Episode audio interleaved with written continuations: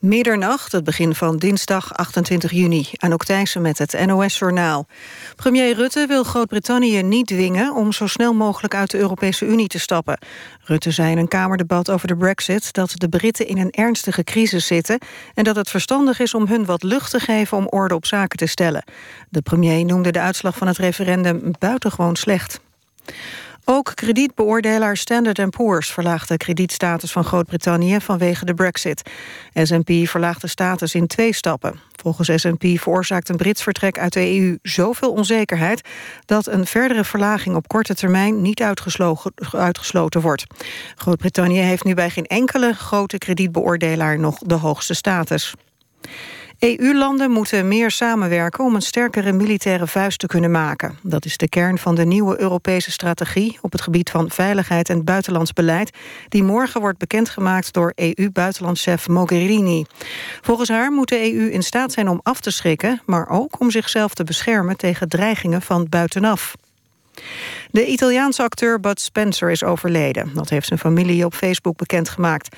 Spencer, die in werkelijkheid Carlo Pedersoli heette... speelde in tal van spaghetti-westerns... waarin hij vaak optrad met landgenoot Terence Hill. Bud Spencer is 87 jaar geworden. Engeland is uitgeschakeld op het EK voetbal. IJsland won in Nice met 2-1 van de Engelsen. Direct na de wedstrijd kondigde de Britse bondscoach Roy Hodgson zijn vertrek aan. Zijn contract zou al binnenkort verlopen, maar hij was graag nog een jaar aangebleven. Ook titelverdediger Spanje gaat naar huis. De Spanjaarden verloren eerder op de avond van Italië met 2-0. Het weer, de komende uren blijft het droog en koelt het af tot plaatselijk 8 graden. Overdag af en toe zon, maar vooral in de middag en avond een enkele bui. Het wordt 18 tot 21 graden. Ook de rest van de week verloopt wisselvallig.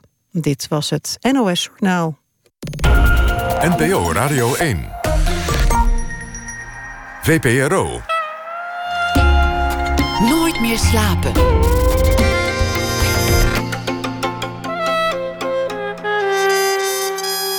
Met Pieter van der Wielen. Goedenacht en welkom bij Nooit meer slapen. Ernest van der Kwast is deze week onze huischroniqueur. Hij vat de voorbije dag samen in fictie en draagt voor na ene. Hardloper Nelly Komen spreken we over de film Race. Een film over het leven van Jesse Owens... die in 1936 op de door Hitler georganiseerde Olympische Spelen... vier gouden medailles won. Sabri Saad El Hamous komt langs. Hij heeft een voorstelling op de parade... Ik houd van Holland, over migratie. Of zoals hij het zelf omschrijft... Egypte is mijn moeder, maar Nederland is mijn vrouw. We beginnen met Connie Jansen. Connie Jansen danst, heet het uh, gezelschap, een dansgezelschap, opgericht in 1992. Sindsdien uh, maken ze zo ieder jaar een voorstelling.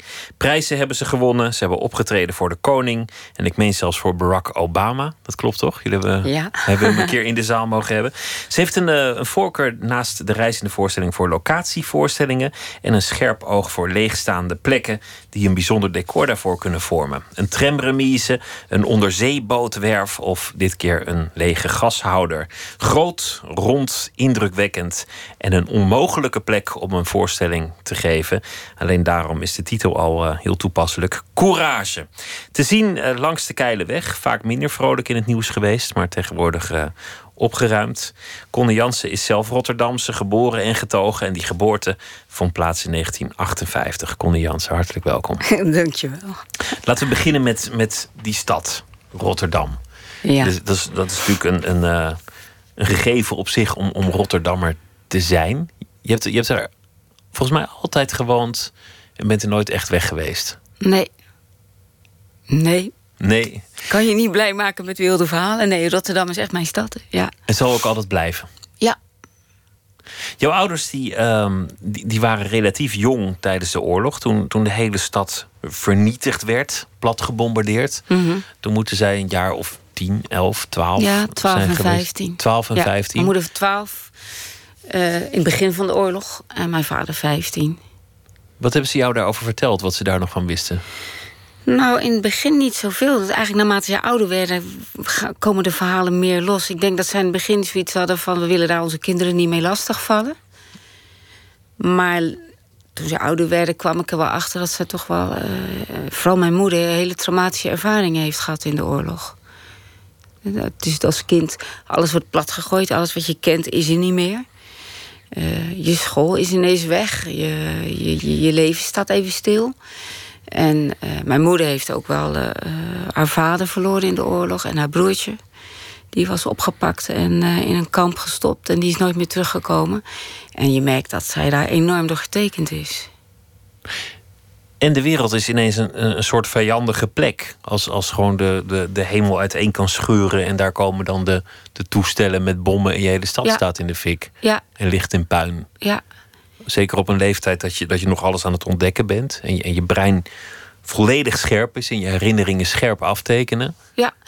Nee, en je, ik, ik merkte zelf natuurlijk ook, naarmate ik ouder werd, wat een groot trauma dat geweest is voor hun. Want je bent zelf, toen zij jong waren, ja, er ontstond toch, denk ik, in die tijd iets van we moeten doorgaan.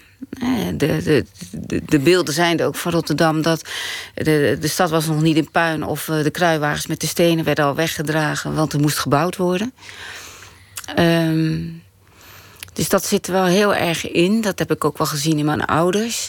En vervolgens ja, krijgen ze dan een gezin met kinderen en dan ga je door. En dan op een gegeven moment dan komt, dan komt het steeds meer binnen bij hun. En als ze wat ouder worden, merk je gewoon dat die verhalen veel dominanter worden. Want dan, ja, dan gaan ze toch het gemis meer, meer ervaren. En dan is er ook tijd voor de, voor de reflectie en de herinnering.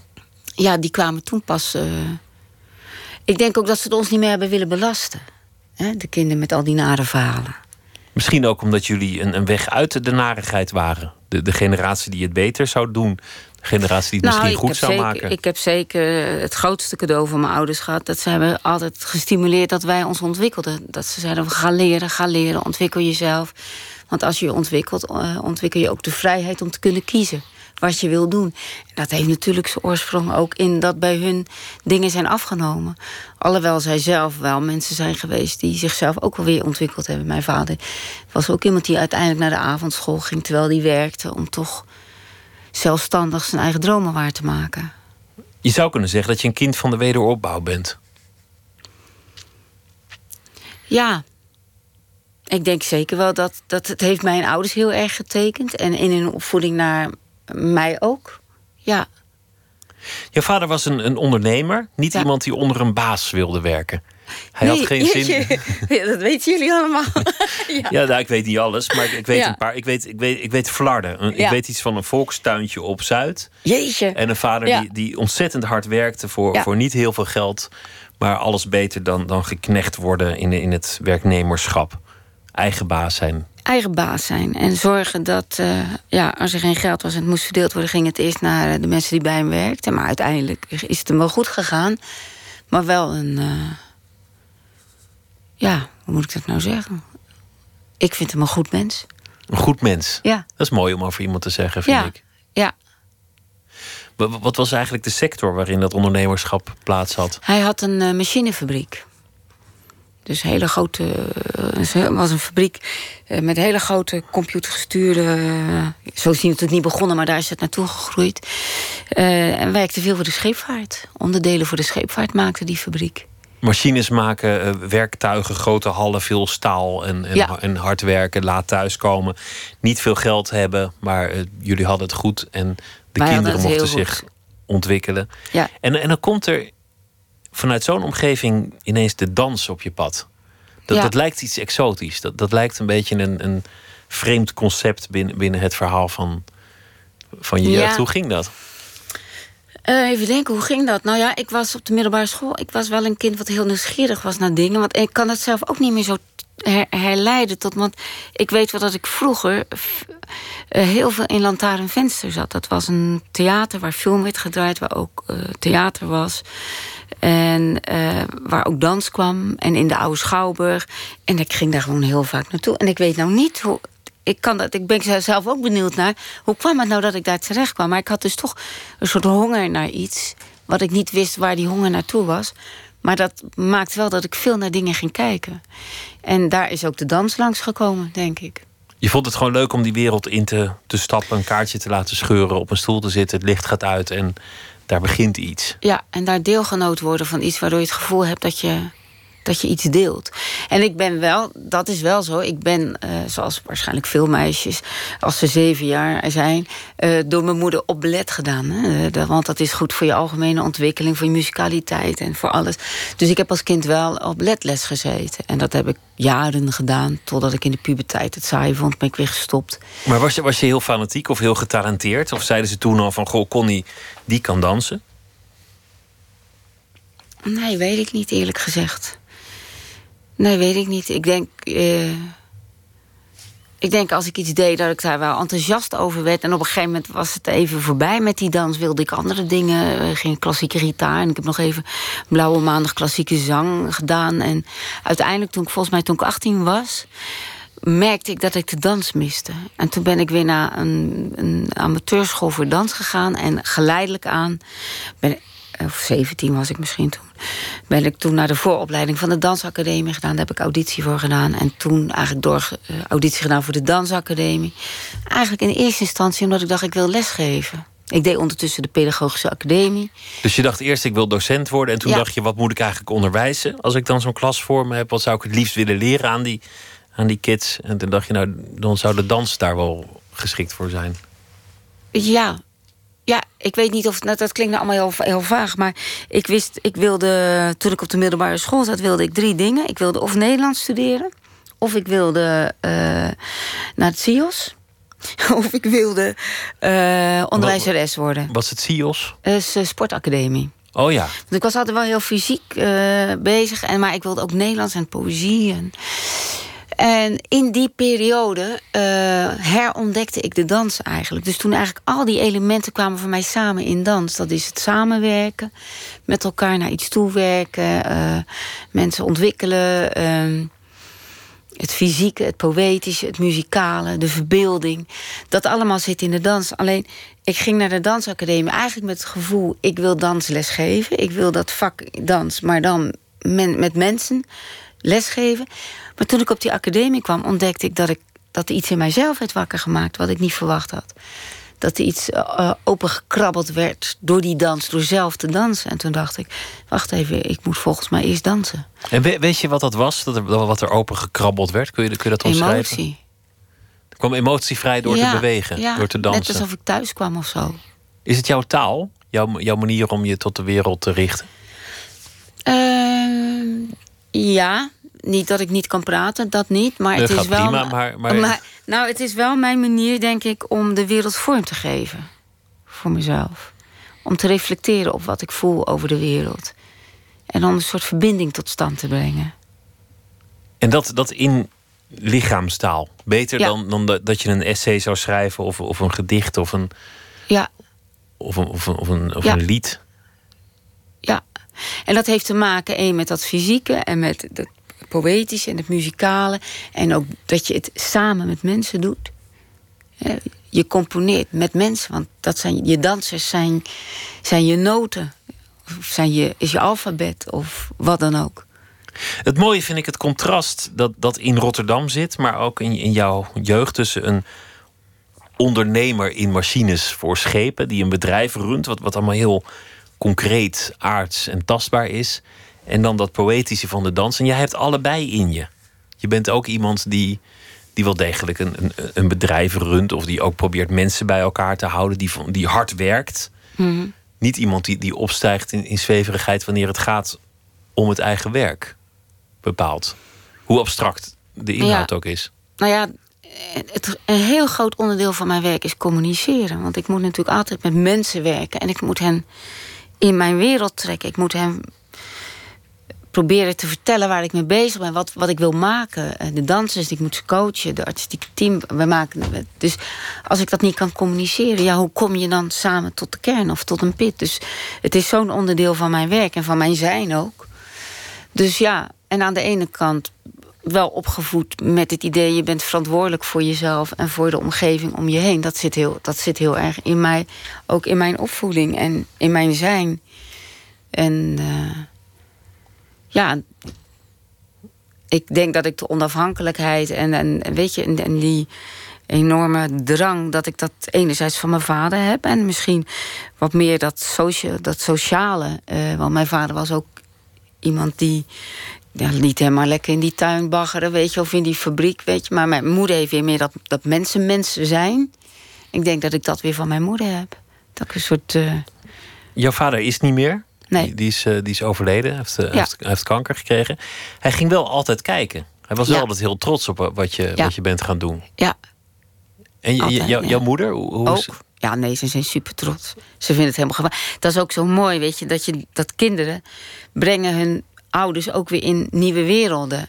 Kijk, ze hebben mij uh, altijd gestimuleerd om te doen wat ik wilde doen. En toen ik natuurlijk naar de pedagogische academie thuis kwam met de verhaal... ik wil naar de dansacademie, krabbelde mijn vader zich even achter zijn hoofd... zo van, nou ja, moet je dat wel doen? Daar is toch geen droog brood in te verdienen... en je hebt nu een opleiding en ga. Maar hij voelde ook wel dat, dat, dat er iets was in mij... dat dat heel graag wilde. En hij kende ook wel mij, dat wist ook wel dat als ik iets, aan iets begin... dat ik er dan ook echt voor ga. Dus vervolgens hebben ze dat ook helemaal ondersteund. En dit is dan ook mooi om te merken dat zij eigenlijk met jou weer meegroeien. En zij zijn altijd bij de voorstellingen. En zij waren daar ook beren trots op. Je hebt uh, veel samengewerkt met muzikanten. Dat is uh, um, een van de dingen die je vaak doet. Naast locatievoorstellingen werken met muzikanten om elkaar over en weer te inspireren. En ook met live muziek erbij. Onder meer met uh, LMO Racetrack, maar ook met Anne Soldaat. Was de voorstelling Zout, ook alweer een aantal jaar geleden. En een van de nummers, of nou ja, we gaan gewoon een nummer draaien van uh, Anne Soldaat. Ik weet niet of er echt iets mee te maken had, maar het is een mooi nummer.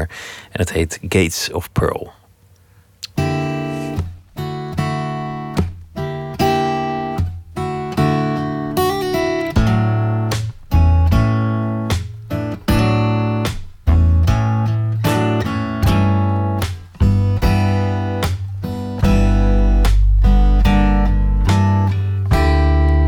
Can wait till she turns her back and walks away. So you can play on thinking you're okay. But the night won't hide for long. You don't speak. Happy faces, children sing along. But a frozen heart, it can't go on. So won't you hold her?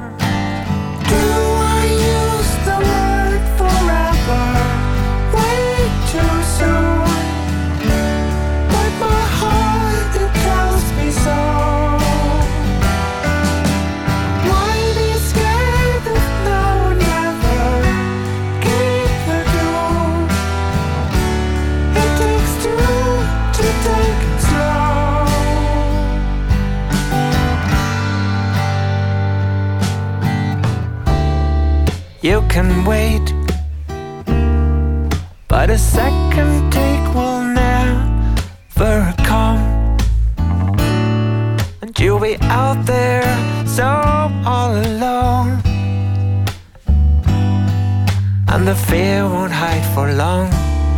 You're a freak. When she opens up the gates of pearl and you tell her it's just another world.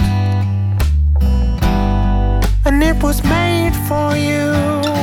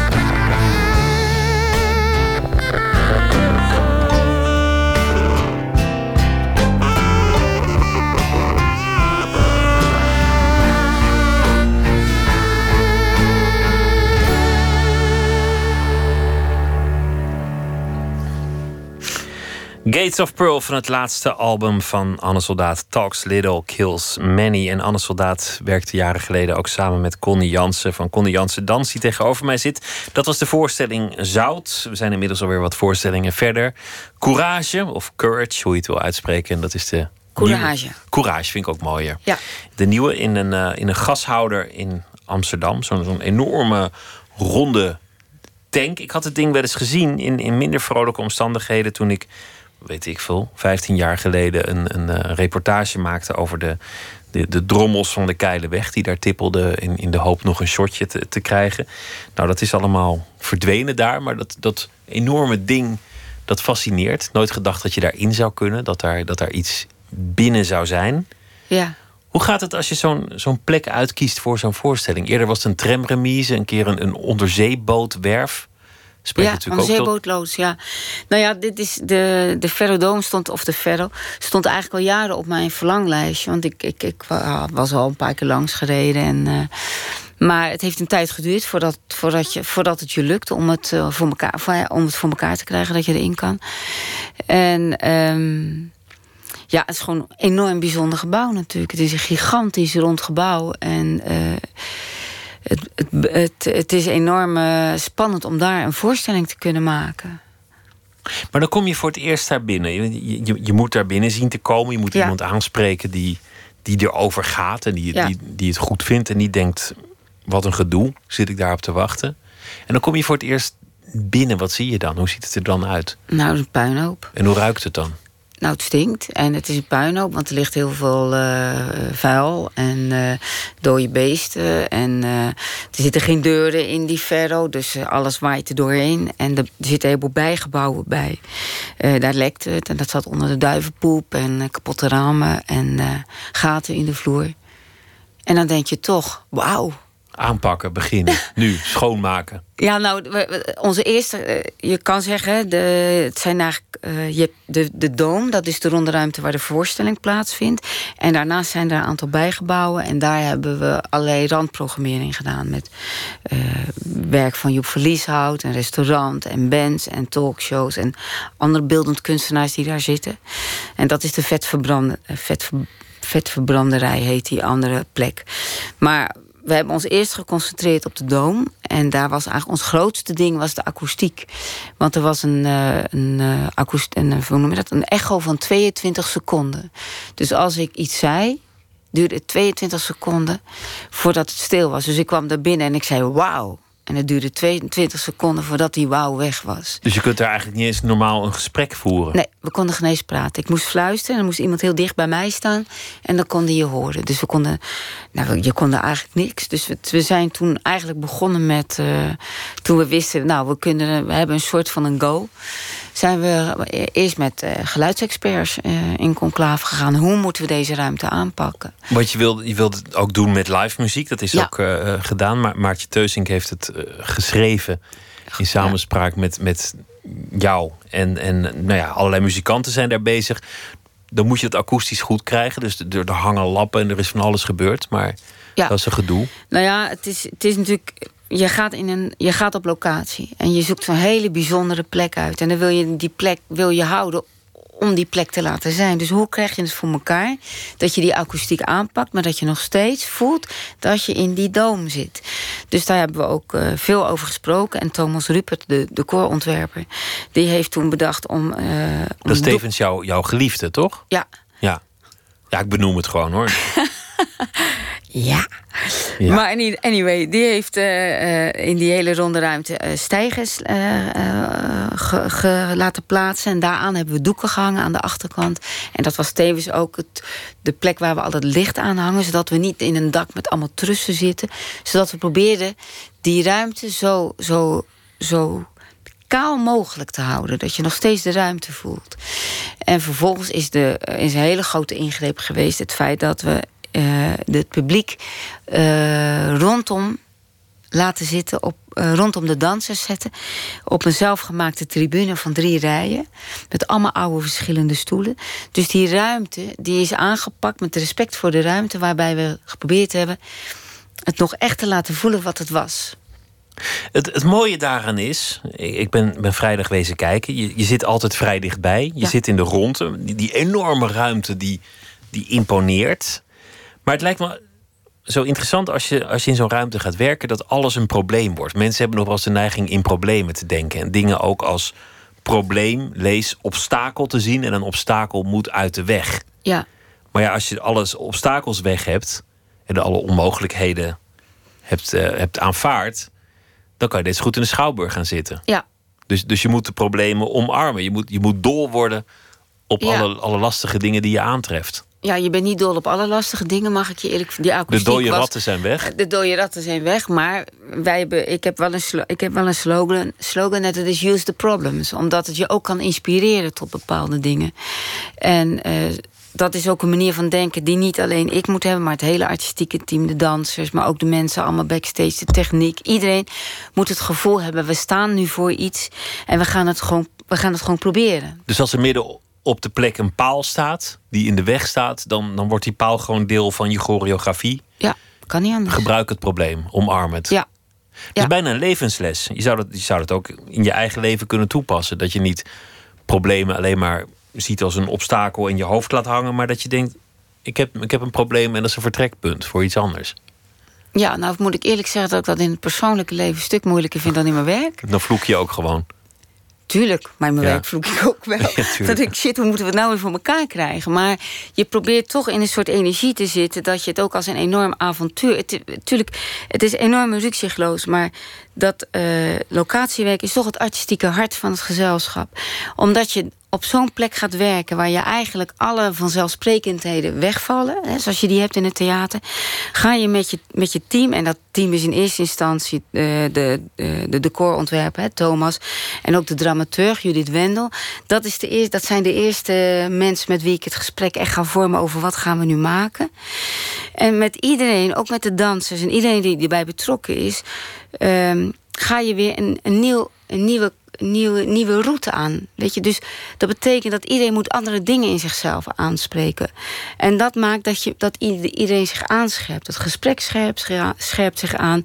Eh, dansers moeten op zichzelf andere dingen in zichzelf ontwikkelen... om zich te verhouden tot de thematiek en de ruimte waar we in zitten. En alleen al de ondergrond, want het is, het is gewoon beton wat er Ja. ligt. Dat, dat lijkt me niet heel prettig.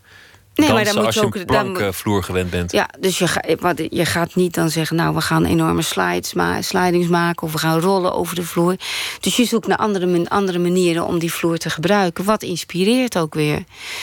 En als je zo denkt, en zo denken wij... en wij, waarom doen we dat? Omdat we op die manier toch ook blijven ontwikkelen. Iedereen scherpt zich eraan. Iedereen ontwikkelt zich door die, door die voorstellingen. En die ontwikkeling die je hebt, die dingen die je leert, die je meemaakt...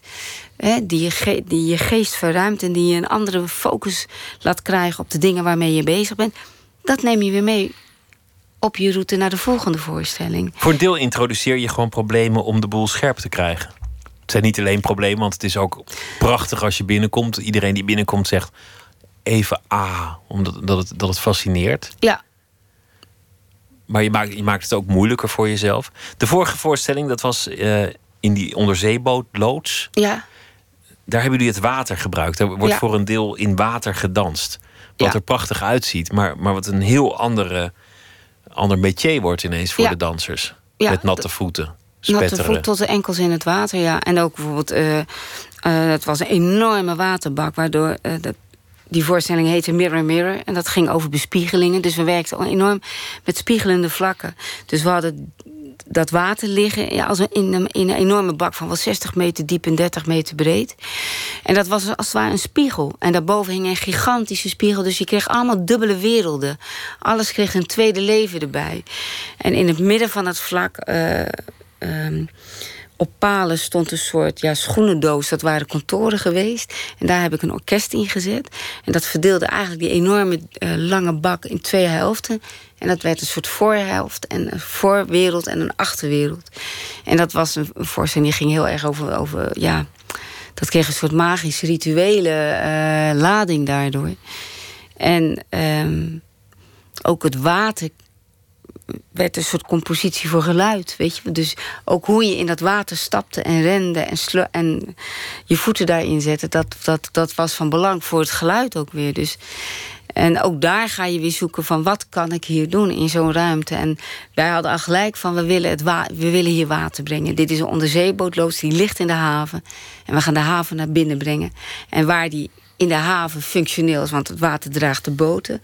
wordt het bij ons een soort mythische mythische betekenis. wat voor problemen ontmoet je als je dansers hun, hun werk laat doen in water? Iets dat ze waarschijnlijk nooit hebben gedaan. Is, is dat, moeten ze dan anders leren bewegen? Of krijgen ze last van, eh, van schimmel tussen de tenen? Of, uh, nee, dat niet. Maar je moet wel op. We hebben natuurlijk. Uh, we hebben eerst een testbak gemaakt om te voelen wat doet het. Wordt het glad? Uh, is het zwaar? Weet je. Wat je moet oppassen is dat het niet glad wordt. Wij dachten, wij moeten één keer in de week die bak verschonen vanwege gewoon uh, hygiëne.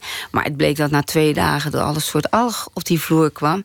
Dus dat betekent dat we gewoon bijna om de twee dagen die bak leeg moesten pompen en weer nieuwe, opnieuw moesten vullen. Wat het betekent voor de dansers is uh, daarnaast is dat het water geeft weerstand. Dus dat is fysiek zwaarder.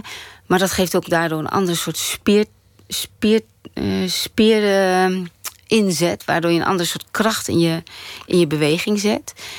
Um, en ja, in het ontwikkelen van het dansstaal, hè, van het dansmateriaal, zorg je ervoor dat je ook, ook, niet al in de eerste vijf minuten iedereen laat rollen in dat water, dat, maar dat je dat ook, die spanning ook opbouwt, wat je met dat water doet. En wat je ermee mee kunt doen. Ja. Wat opvalt in, in jouw dans, in jouw gezelschap, is, is dat het heel erg gaat over individuen. Sommige mm. choreografen willen het liefst dat de groep spreekt. Dat de dansers opgaan in een soort zwerm. Dat je niet het individu al te veel eruit laat springen. Bij jou is precies omgekeerd. Iedereen moet, moet in al zijn eigenheid op dat podium staan. Elke danser mag zijn eigen beeldtaal gebruiken, zijn eigen stijl vasthouden. Ze mogen uiterlijk heel erg van elkaar verschillen. Dat, dat, dat lijkt je juist te omarmen. Ja. Het individuele. Ja. En, en ik meen te zien, ik vind dat moeilijk waar het dans over gaat, wat, wat het verhaal is niet altijd even belangrijk ook. Maar ik, ik meen ook te zien dat het heel erg gaat over het individu. Dat het eigenlijk in de meeste van jouw voorstellingen een, een soort rode draad is. Dat het Mm. op de een of andere manier gaat over de mens in de wereld. Het individu in de groep. Ja, nee, dat klopt ook wel. Eigenlijk in al mijn voorstellingen gaat het over de mens als sociaal dier. En wie je bent in relatie tot de ander. En tot de wereld waar je in staat. En alleen die hele grote wereld, die, die, ik zoom in, vanuit die hele grote wereld zoom ik in naar die dertien mensen die op toneel staan. In dit geval dertien dansers en Maatje Teusing, de muzikant. Veertien mensen.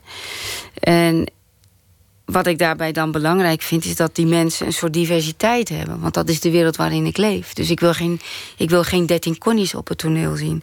Ik wil zien de wereld waarin ik leef en dat wil ik herkennen op toneel. Dus ieder staat daar en ik kies daar. Dat is ook een enorm delicaat proces om te kiezen wat dan precies. als een schilder, wat zijn, wat zijn de kleuren op je palet?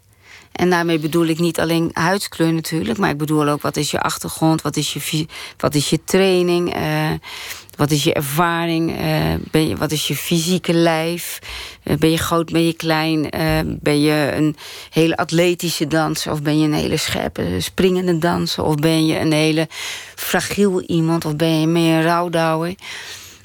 En daar, daar speel ik mee.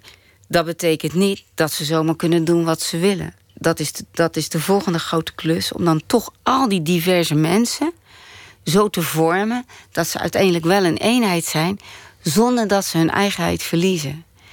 Dus het is niet zomaar dat je denkt van nou, al die verschillende mensen mogen eigen zijn, wat fijn. Doe lekker je ding, nee, dat Doe is je het lekker niet. je ding, daar maak je geen voorstelling mee. Het is het een en het ander. Dus het is, ik probeer juist dat eigene wat ze hebben uit hun nog, nog, nog meer open te krabbelen, hè, of naar boven te halen. Uh, zodat je ziet wat, wat, wat de kracht van iedereen is.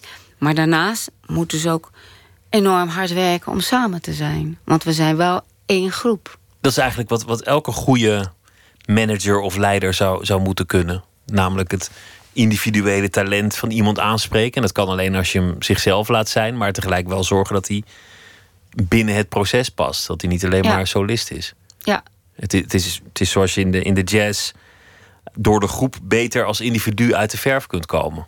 Ja. En je, je hebt de rest nodig om, om mooi te kunnen soleren. En daarom moet je het de ander ook gunnen. En Ja. dan kom je samen tot iets moois. Ja. Die, die fascinatie voor, voor een mens in de omgeving. Dat vind ik wel interessant. Heb je daar een verklaring voor waarom dat zo vaak het thema blijkt te zijn? Waar- waarom dat jou in- inspireert of interesseert? Ja. Nee, maar dat, dat zit. Ja, nee, zo ben ik. Ja, ik heb wel eens geprobeerd een abstract ballet te maken, maar ik, ik, ik heb altijd zo gauw je mensen op toneel zet, is er iets aan de hand? Want die mensen die verhouden zich tot elkaar. Er ontstaat iets. Want, want in deze voorstelling, zonder pauze, anderhalf uur, Ja. heel intensief wordt er gedanst. Ja, Daar, daar ontstaat een soort groep, er ontstaat Ja. een soort gemeenschap. Het is bijna een samenleving die je voor je ogen tot stand ziet komen. ja, In, in een abstracte zin. Het is, het is gelukkig allemaal niet zo concreet. Maar daarmee wordt het wel een soort van, van actueel. Een groep die zich openstelt en een groep die zich afsluit en een groep die tot elkaar komt. En in die Ja. individuen die, die assimileren of niet. ja, maar ik denk dat dat werk bij mij dat wel altijd wel iets heeft. Maar wat ik mooi vind is dat dans en muziek twee kunstdisciplines zijn die ook nog de ruimte laten voor de verbeelding. Weet je, dat is iets anders dan met teksttheater, dat is vaak wat dwingender. En ehm, omdat het gaat over de mens in zijn omgeving, weet je, en we, ja, we worden allemaal gevoed door de dingen om ons heen die gebeuren in de wereld, eh, is voor de toeschouwer ook de ruimte om dingen te kunnen interpreteren. En ehm, ik wil het. Ik wil dingen terugbrengen naar hun proportie bij die 13 mensen. Dus er zijn hele grote dingen in de wereld aan de hand. Die krijg ik niet op toneel. Weet je, wie ben ik om daarover. Maar ik kan wel inzoomen naar die 13 mensen. En dat is ook waar deze voorstelling ook over gaat. Weet je, het, idee van courage is toch dat mensen de moed hebben om het onbekende tegemoet te treden. En het uiteindelijk zich door het te omarmen vertrouwd te maken. En ehm, met, met, met, met die woorden ben ik ook met de dansers gaan praten. Want ja, eh, weet je, het, hoeft niet super verhalend te zijn, maar er zitten natuurlijk verhalende elementen in. En het is niet. eh, en die verhalende elementen die zijn ook open voor interpretatie, maar dat herken je toch. Om, ja, Maar hoe begint zoiets? Ik, ik las over één voorstelling dat, dat je, dat je s'nachts in je auto reed en, en, en, en naar de radio luisterde en dan één zin hoorde van iemand. Ja. En dat je dacht, bang. bang, dat zinnetje, dat Ja. is het. Ja, maar dan ben je eigenlijk al heel lang bezig. Zo'n voorstelling als, net zoals nu, weet je, eh, Courage. Daar ben je al twee jaar mee bezig. Maar je bent er niet twee jaar elke dag mee bezig. Maar er is iets wat in je sluimert. En dat sluimeren komt steeds meer naar de oppervlakte. En in de gesprekken, hè, de afgelopen jaar, als ik het dan even concreter maak, afgelopen jaar heb ik veel gesprekken gehad met Thomas en met Judith. Om te denken, waar ben ik nou naar op zoek? Waar ben ik nou op. Waar- weet je, wat is, het, wat is het nou waar ik naar op zoek ben? En toen kwamen we met een aantal beelden en metaforen. En die moet ik ook gebruiken om de dansers eh, te informeren. Want die staan, die komen de eerste dag van de repetitie binnen. Die zeggen, nou Connie, eh, wat gaan we doen? Dan moet ik voorbereid zijn. Ik moet hun dingen kunnen vertellen. Ik moet hun infecteren met woorden, met, met, met beelden, met muziek, met, met dans. Dus wij begonnen eigenlijk met het idee van de kosmos. Als je in de kosmos kijkt, weet je, zo begint de voorstelling ook. Je hoort er eerst hoort veel ruis. En daar zit Maartje Teusing, speelt allerlei kleine klanken in.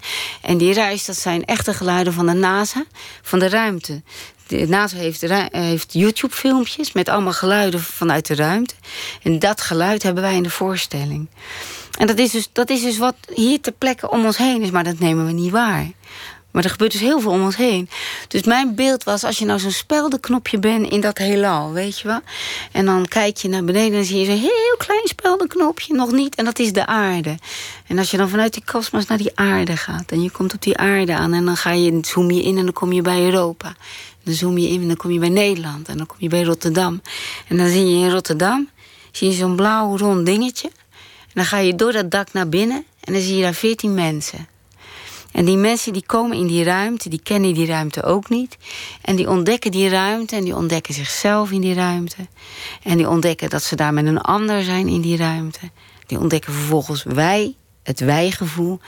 En langzamerhand door die voorstelling heen zie je dat er bouwstenen tot stand komen. Die, een, wat jij net eerder zei, die een soort gemeenschap vormen. Dat ze, gewoon, dat ze rituelen ontdekken. En uiteindelijk zie je dat daar een groep aan het ontstaan is. En dat zie je terwijl wij daarna als publiek naar kijken. En dan snap ik ook wat je bedoelt met dat het, dat het jouw manier is om, om je visie op de wereld uit te drukken. Dat, dat je dat beter kunt in, in lichaamstaal. Dan dat je, dat, dat je zoiets in woorden kunt vatten. Omdat dat in woorden, ja, dan, dan, dan weten we eigenlijk allemaal wel hoe het zit. Dat we, dat we op een klein bolletje in het universum zitten en een beetje met elkaar opgescheept zijn geraakt. Daar kun je in taal eigenlijk niet meer zoveel over zeggen, denk ik. Zoveel maar om het te beleven, dat je mensen ziet binnenkomen die ontheemd zijn. Of die in eerste instantie nog. een- Ja, hoe moet ik het zeggen? Die in eerste instantie nog onderzoeken eigenlijk waar ze, waar ze zijn. En dat onderzoek ook wel met een. Niet met angst tegemoet zien, maar ook met een soort nieuwsgierigheid en een soort verwondering. En die toch dat onbekende durven aan te gaan. En vervolgens eh, eigenlijk die ruimte, die, die kale vlakte, om het zo maar te zeggen, toch transformeren tot een soort vertrouwde omgeving. En dat jij daar als publiek bij zit, dan, dan maak je die reis mentaal mee. Als je het zo zegt, dan- ja, dan is het eigenlijk ook een, een wonderlijk gegeven. Dat je dan, dan, dat je dan op zo'n klein, nog niet eens speldenknopje zit in dat gigantische universum. En dat je dan alleen maar bezig bent met of Schotland wel bij Engeland moet blijven. Dat, dat, is, dat, eigenlijk binnen zo'n klein speldenknopje nog bezig bent met, met een nog kleiner stukje speldenknop te creëren. Ja, maar het is voor de mensen die daar wonen wel belangrijk. Nee, dat begrijp ik Het ook gaat wel. wel over hun bestaan. Je noemde Maartje Teusink, die heeft Ja. de muziek eh, gemaakt dit keer. Zij is een eh, eh, multi-instrumentaliste en dit is echt haar werk geworden voor voorstellingen in Nederland en Duitsland. de muziek componeren en maken en live uitvoeren. We gaan luisteren naar een van de stukken uit de voorstelling en het heet Go Round.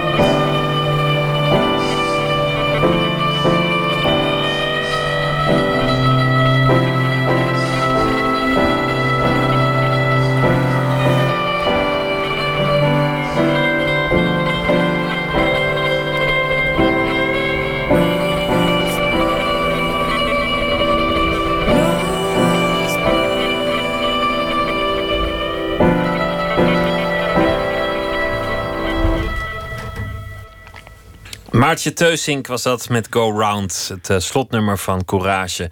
De voorstelling van Connie Jansen danst. En de naamgever en oprichter van dat gezelschap zit tegenover mij, Connie Jansen. We hebben het gehad over Rotterdam, de stad waar je bent geboren en getogen. Waar je je jeugd hebt doorgebracht. Deels in de stad zelf en voor een groot deel ook op een volkstuintje in Zuid, waar het uh, hele circus naartoe trok in de weekends en vakanties.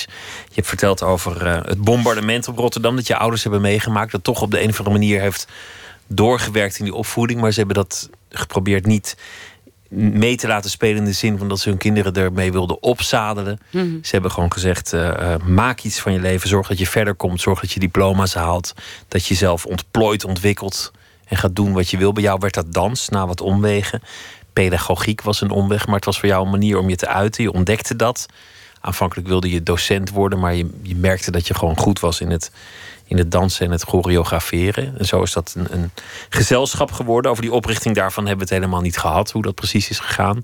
Hoe die carrière daarvoor verliep, hebben we het ook niet over gehad. We zijn meteen naar de voorstelling zelf gegaan. Het uitzoeken van een locatie, iets dat je met veel zorg doet. Je, je fietst er langs, je denkt, oh, wat een interessante plek, daar wil ik naar binnen. Kom je er binnen, stinkt het er, liggen er dode ratten, is de akoestiek niet te harde, 22 seconden vertraging. Valt niet te werken, maar je denkt dat is een probleem, dat moet ik omarmen in plaats van het tegen me te laten werken. En zo begin je met die voorstelling. Het gaat vaak over het individu, beaamde je. Dat, dat Ja. het inderdaad gaat over de mens in die enorme wereld. Past ook bij een locatievoorstelling, lijkt me. En dat je ook uit je dansers individualiteit naar voren wil halen. Ze moeten wel zich passen in de choreografie, uiteraard. Maar je kiest ze uit op hun eigen inventiviteit, hun eigen creativiteit. Is jouw hele leven dans inmiddels? Want, je, want, want terloops kwam ter sprake dat je echtgenoot meewerkt aan de, nou ja, je, je geliefde meewerkt aan de voorstellingen, de decorbouwer is.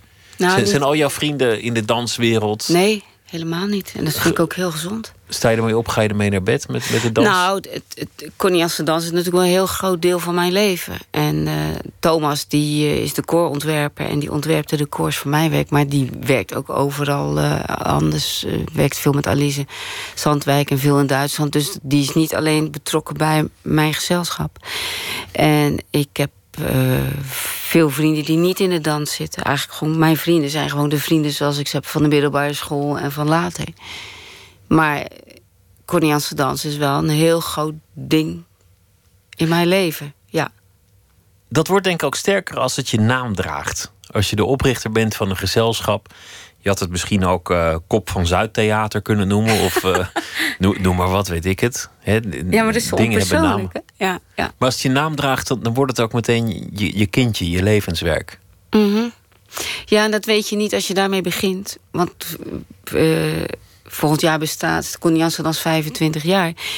Maar toen ik begon was het gewoon een manier om... eh, eh, ik, wilde, ik wilde dingen maken, maar ik had geen naam. Ik was onbekend. En eh, eh, de video's die ik stuurde naar gezelschappen... ja, in die tijd was het veel meer dat als je een grote naam had... en je kwam uit het buitenland, dan was je aantrekkelijk voor gezelschap. Maar een, meisje uit Rotterdam die een paar stukken gemaakt had... dat was, weet je, nu wordt talentontwikkeling veel meer om, omarmd dan toen. Dus toen dacht ik, nou, dan moet ik maar zelf beginnen. En ik was toen met een producent die heette Wim Visser. En die zei, je moet je eigen naam in de, in de, in de, als titel nemen. Dat vond ik toen nog een beetje van, oh help. En nu is het eigenlijk heel goed, want het, het maakt gelijk duidelijk waar we voor staan. Over dans gaat het. En er zit natuurlijk ook een mooi, mooi soort van binnenrijm in. Jansen danst. Ja. Het vergt ook moed om dat te doen. Om, om als jonkie aan te komen en te zeggen... ik heb een eigen gezelschap. Ik sluit me niet eerst aan bij een ander... of ik ga niet solliciteren. Nee, ik heb een eigen gezelschap. Het draagt mijn naam. Hier zijn we. En hier beginnen we. Ja. Het was eigenlijk, als je erop terugkijkt... waarschijnlijk voelde het toen niet zo... maar als je er nu op terugkijkt... zul je wel denken... we waren brutaal. Ja. Ja, misschien. Ik, weet- ik, ik, eh, ik weet het niet. Ik wilde iets maken. En ik kwam zelf eigenlijk... eh, ik had zelf gedanst in de grote in de, in de Schouwburgen. Dus dat was mijn referentiekader. Dus ik wilde eigenlijk voor de Schouwburgen maken. Want dat vlakke vloercircuit kende ik toen nog niet zo goed. Dus het was gewoon een, vanuit een hele natuurlijke impuls. En eh, eigenlijk is het voor iedere maker, denk ik, niet alleen iedere maker die iets maakt, vraagt het moed om iets te maken. Want je gaat elke keer zo ongenadig met je billen bloot. Weet je, als je iets maakt en je, laat, je zegt nu is het af en we hebben première en dan komt iedereen. Vanaf het moment dat je het aan het publiek laat zien, is het. eh, ja, gaat iedereen er wat van vinden. En dat is altijd een heel eng moment. Ik vind eigenlijk de eerste twee try-outs het meest eng, want dan gaan voor het eerst mensen naar kijken. En dan kun je er nog iets aan doen als het een try-out is, misschien, maar ook niet zo heel veel meer. Maar het moeilijkste lijkt mij vanaf het moment dat je een voorstelling hebt gemaakt en je presenteert het en, en al die meningen komen, Ja, dat je, dat je er ook niks meer aan kunt doen. Dus dat die kritiek of de lof in die zin zinloos is geworden om, om in je zak te steken. Kan er toch niks aan doen. Sluit je ervoor af? nou, ik moet je eerlijk zeggen dat ik recensies niet gelijk naar de première lees. Nee, Wegleggen, die krant. ja. En dan stiekem komt er toch wat op mijn oor, omdat ze Ja, dan je hoort hey, het toch wel. En ze met vier sterren hier, vier sterren daar, vijf sterren daar. Maar het is gewoon, het is, ja, het is toch het is best breekbaar. Weet je, je hebt eh, met z'n allen ontzettend hard gewerkt naar iets. En eh, ja, je presenteert het. Maar voor mij is het niet die, première, die eerste try-out. was de aller, allereerste keer dat mensen gaan kijken. En dan moet je proeven. Zit ik in die zaal, dan denk ik, hoe stil is het? Hoe, hoe hè, zijn ze geconcentreerd? Eh, gaan ze mee? Dat kan je voelen. Je kan voelen in een zaal als je zit of mensen meegaan. Of dat ze denken, nou, eh, ik mis mijn trein. Ik, wilde, ik wil weg hier. En dat is de allereerste test die je hebt als mensen eh, binnenkomen die niks van dat stuk weten, behalve wat ik erover verteld heb, of wat ze misschien in een programmaboekje lezen. Hebben ook nog een kaartje betaald. Weet je wat, dat zijn de mensen waar, eh, die, die je laten voelen voor de allereerste keer: ben ik op de goede weg? En dan gaan we natuurlijk scherpen we het nog aan. Ik heb het na de première nog aangescherpt. Het blijft een reis. Weet je, ik ben er ook bij en je blijft kijken van. Let op timing, let op dit, let op zus, let op zo. Hoe gaat het eigenlijk in zijn werk een, een, een gezelschap oprichten? Hoe werkt zoiets? Je, je, je had al veel gedaan, je komt uit de danswereld, je hebt je ideeën, je kent mensen, maar dan, dan zeg je: Ik ga een gezelschap oprichten. Nee, dat begint niet zo. Ik ging helemaal niet de gezelschap oprichten. Ik ging geld aanvragen om een voorstelling te maken. En dat was, eh, dat was één voorstelling, ad hoc. En dan had ik vijf maanden geld. En de andere zeven maanden werkte ik overal en nergens. En dan ging ik het jaar daarna weer, eh, vroeg ik weer geld aan. En dan kreeg ik het. En het jaar daarna weer. En na negen jaar ging ik proberen structurele subsidie. Dus voor vier jaar aan te vragen. En in 2001 kreeg ik voor het eerst structurele subsidie. En toen dacht ik, ja, nou kan ik aan een gezelschap werken. Want nu heb je lange termijnvisie. Nu kun je denken over morgen. Weet je, niet alleen. Ik had altijd in, in die periode dat je één voorstelling maakte. dacht ik, ben heel hard aan het duwen om die trein in beweging te krijgen. En dan staat hij op zijn volle vaart. En dan moet ik hem weer heel hard op de handrem zetten. Om weer na een paar maanden weer te starten. Het was eigenlijk een soort zomercircus of, of een wintercircus, hoe je het ziet, maar seizoensarbeid heel lang. Ja, terwijl eigenlijk jij zelf dat hele jaar door blijft werken voor die Ja. groep. Alleen te zien ben je in een kortere periode. En nu is dat veel beter, want nu we met Connie Jansen danst...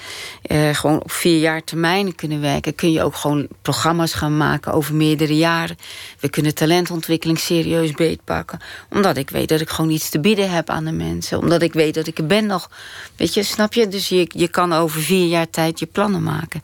En dat is natuurlijk enorm grote stap geweest. Dan kan je echt de diepte in. En langzaamaan je eigen plek verworven in, in, in, dat, in, in nou ja, die, dat hele aanbod van dans, maar ook in, in dat hele aanbod van, van Rotterdam. Jullie zijn verweven met, die, met die stad. Er zijn meer gezelschappen in Rotterdam, Scapino bijvoorbeeld, maar jullie zijn echt verweven met die stad. Wat altijd bij jou ook centraal is blijven staan, om het toegankelijk te houden voor iedereen. Het, het mag niet zo zijn dat iemand die niks weet van dans of daar misschien niet zo snel naartoe zou komen, afgeschrokken wordt. Je, je wil eigenlijk het liefst ook nieuwe mensen elke keer naar je voorstellingen krijgen.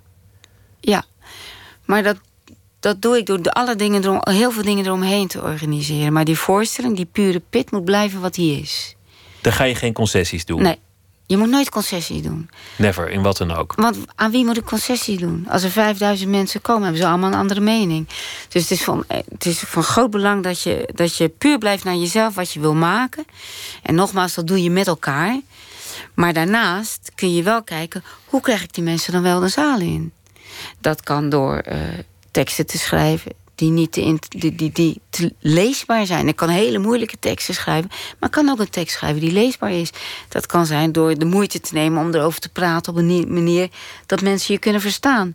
Dat kan zijn op een locatie gaan, gaan zitten, daar 16 voorstellingen geven, dat je je nestelt in een omgeving en daaruit mensen naar binnen trekt Dat kan zijn doordat je ook samenwerkt met andere kunstenaars. Zodat je een soort festival organiseert... waardoor mensen denken, oh wat leuk, ik kan eten... en zo'n locatie, die wil ik ook wel eens zien. Dus je kan op een heleboel andere manieren denken van... hoe krijg ik mensen geïnteresseerd om, die, om naar die dans te gaan? Want die kunstdiscipline in zijn algemeniteit die is nog in verhouding tot de andere kunsten jong, om het zo maar te zeggen. En heeft nog enorme potentie aan publiek. Er zijn zoveel mensen die komen voor het eerst en die zeggen: Nou, ik weet niet wat ik heb meegemaakt. Ik wist niet dat dit moderne dans was. Want die leven nog met beelden van spitsen of een tutu. Of iets is ontoegankelijk of oh, niet voor mij, want dat, ik, ik ben niet opgegroeid met kunst. Dan denk ik: onzin. Je moet er gewoon een keer naartoe gaan. En als je het dan niks vindt, ja, jammer. Maar de kans is heel groot dat je het wel wat vindt. Het leuke is natuurlijk ook het plezier en de energie. Het, het, uh, programma zo wat jaren geleden, de So You Think You Can Dance, daar, deed je ook mee als een soort uh, uh, jury, adviseur, nee, ik heb daar niet, ik heb niet als jury gezeten, want dan had ik het niet gedaan. Ik ben er een paar keer uitgenodigd om, om duet te maken. En toen dacht ik, dat is goed, want dan kan ik in zo'n programma kan je andersoortige duet dans laten zien. Het, was, eh, het, het, leuke wat ik me herinner, zo lang geleden, en, mhm. is, is dat het alle soorten dansen, die, hele breedte van, van alles wat zich dans mag noemen, daar langskwam. En, en dat het toch een soort kernachtig iets is van wat mens zijn is om met beweging een soort expressie te geven. Ja. waar je mee bezig bent. Of je dat nou doet in een tango of in, of een street dance of in, in, in een tutu met, met, uh, met pirouettes. Ja. Dat maakt eigenlijk allemaal niet zo ontzettend veel uit. Nou, wat, wat de kracht van dat programma was, dat er een heleboel jonge mensen vanuit totaal verschillende disciplines, klassiek of breakdance of wat dan ook, bij elkaar kwamen. En eigenlijk denken ze allemaal van, nou, dat modern is niks, of dat hip-hop is niks, of dat ballroom is niks. Maar door het programma gingen al die muren tussen die verschillende disciplines die vielen weg. Want iedereen moest alles leren. En kregen ze eigenlijk heel veel respect voor het feit dat een klassieke danser, dat is toch wel heel erg moeilijk. Maar die klassieke danser kreeg ook veel respect voor die hip-hop wat hij deed, want dat was ook heel moeilijk. Dus dat maakte dat. Ehm, dat je. Dat, dan, dan krijg je weer het feit dat je vooroordelen weghaalt, weet je, en je laat dingen, laat al die verschillen bij elkaar maken eigenlijk dat je, ehm, dat je, dat je, dat je eigenlijk veel meer respect voor elkaar krijgt in wat je doet. Maar is het ook iets dat je in je eigen werk merkt dat, dat, die, dat die muren makkelijk te doorbreken zijn tussen, tussen dansvormen? Dat je iets ziet en denkt: oh, dit, dit zou ik kunnen gebruiken. Of hey, dit is eigenlijk helemaal geen natuurlijke beweging voor een, voor een geschoold danser, maar, maar waarom ook niet? Is dat iets waar je mee bezig bent? Uh, ja, maar niet, niet zozeer vanuit uh, of, of iets geschoold is of niet. Maar jeetje, wat een moeilijke vraag. Maar meer ja, als ik ja, het, het, lichaam heeft, de taal van het lichaam is zo rijk. En dat kan zitten in, in, in, in hoe je een vingertop beweegt. En dat zie je ook bij, bij dansers. Weet je, da, uh, Adi Amit, het is een danseres bij mij, die, die danst een duet en ook een solo.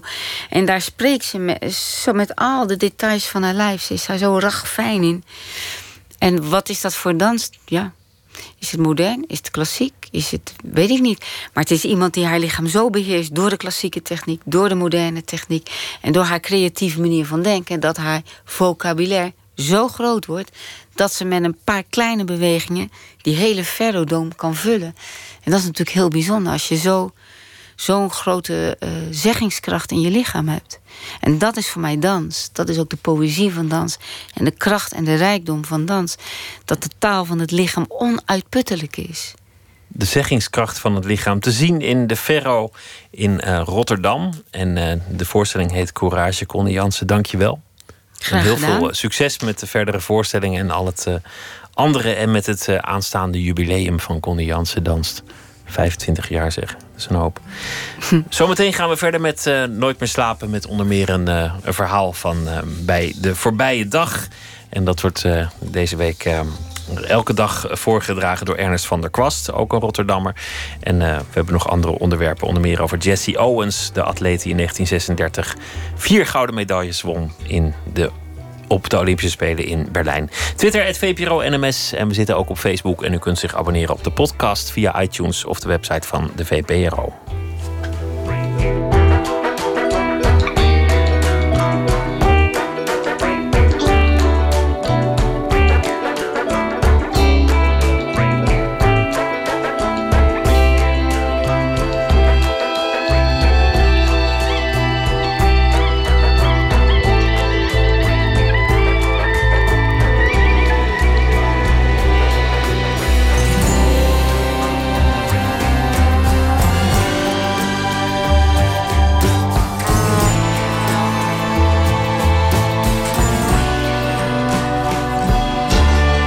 Radio 1. Het nieuws van alle kanten.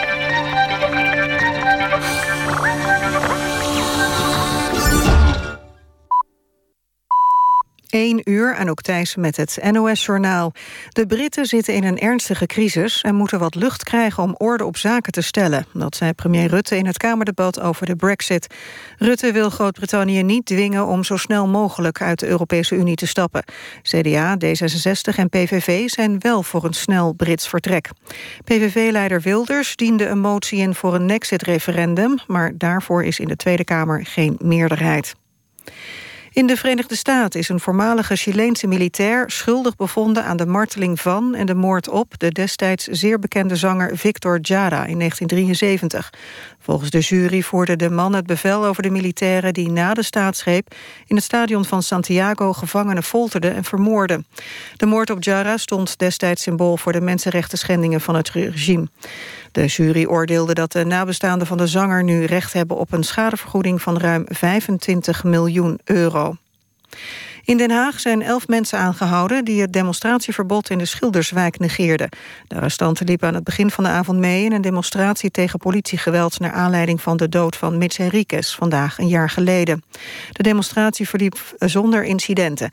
Na afloop werd op gezag van de burgemeester omgeroepen... dat de demonstratie niet op een andere locatie mocht worden voortgezet. Ook niet in de Schilderswijk. Volgens de politie waren de elf arrestanten dat wel van plan. IJsland heeft voor een stunt gezorgd door op het EK ten koste van Engeland de kwartfinales te bereiken. In Nice werd het 2-1 voor IJsland. Direct na de wedstrijd kondigde de Britse bondscoach Roy Hodgson zijn vertrek aan. Zijn contract zou al binnenkort verlopen, maar hij was al graag nog langer aangebleven. Ook titelverdediger Spanje gaat naar huis. De Spanjaarden verloren eerder vanavond van Italië met 2-0. Het weer de komende uren blijft het droog en koelt het af tot plaatselijk 8 graden. Overdag af en toe zon, met vooral in de middag en avond nog een enkele bui. Het wordt 18 tot 21 graden. En ook de rest van de week verloopt het wisselvallig. Dit was het NOS Journaal. NPO Radio 1. VPRO. Nooit meer slapen.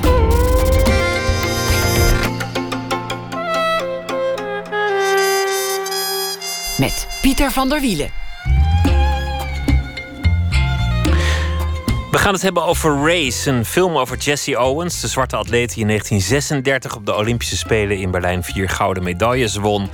Straks een eh, gesprek met oud-atlete Nelly Koman over het sportdrama dat vanaf deze week in de bioscoop te zien zal zijn. Acteur Sabri Saad Al Hamous komt langs. Hij heeft de voorstelling op de parade. Ik houd van Holland is daarvan de titel. En Ernest van der Kwast is deze week onze huisschrijver. Hij zal de voorbije dag samenvatten in een verhaal. In 2004 gedebuteerd met Soms zijn dingen mooier als er mensen klappen. Bekende romans zijn verder Mama Tandori en zijn laatste De IJsmakers. Ernest, goeienacht. Goedenacht, Pieter. Hallo. Hoi. Leuk dat je deze week elke nacht uh, even aan de telefoon mag uh, krijgen. En ik ben zo benieuwd wat je vandaag heeft bezig gehouden. Was het uh, nog steeds de brexit die je inspireerde? Ik, ik, ik, ben net pas thuis gekomen. Want ik ben met drie vrienden, of met twee vrienden met z'n drieën zijn we naar Kopenhagen geweest. Uh, vanaf uh, zaterdag, zaterdag, zondag, maandag. Dus, dus ik heb even, we hebben wel in, we hebben wel een stukje brexit, een andere brexit meegekregen in het vliegtuig dat IJsland heeft gewonnen. Maar, maar verder hebben we eigenlijk alleen maar ja, cultuur gesnoven, naar vrouwen gekeken en, en, en bier gedronken en gedanst en, uh, en zoals, ja, dat soort dingen gedaan. Maar even, even geen kranten opengeslagen. Nou, dat is ook wel eens fijn. En, en naar vrouwen kijken. Mooie vrouwen hè, in Denemarken. Man, man, man, man, man. Ja. We zaten, bij, we zaten in het vliegtuig terugverlanden uit Eindhoven. En we konden niet met z'n drieën in één rij. En ik moest dit stukje schrijven natuurlijk. Ik moest er ook even werken. Dus ik, ik, zat, ik zat afgezonderd van mijn vrienden. Maar er zaten, zaten wat jongens uit, uit Brabant naast mij. Die zeiden, zeiden toen we landen. En nu weer terug naar de zagrijnige Nederlandse vrouw. Vond ik zo geweldig ja, dat maar... dat zeiden. ja.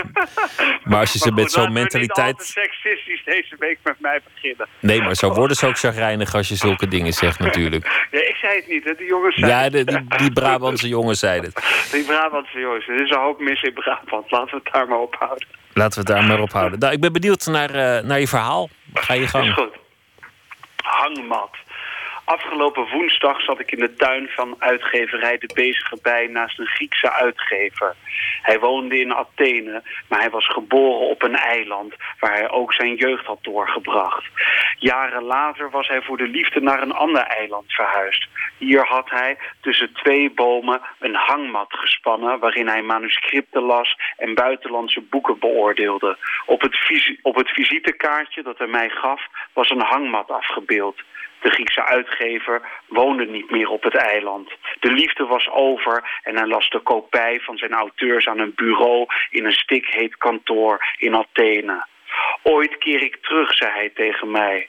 Daar hield het gesprek op, want na het hoofdgerecht veranderde de tafelschikking en kwam ik tegenover een Deense uitgever te zitten. Ze had prachtige sproeten en een innemende glimlach. Ze hoorde mij uit over mijn boeken. Ze was vooral geïnteresseerd in Mama Tandoori en wilde weten hoeveel exemplaren ervan waren verkocht.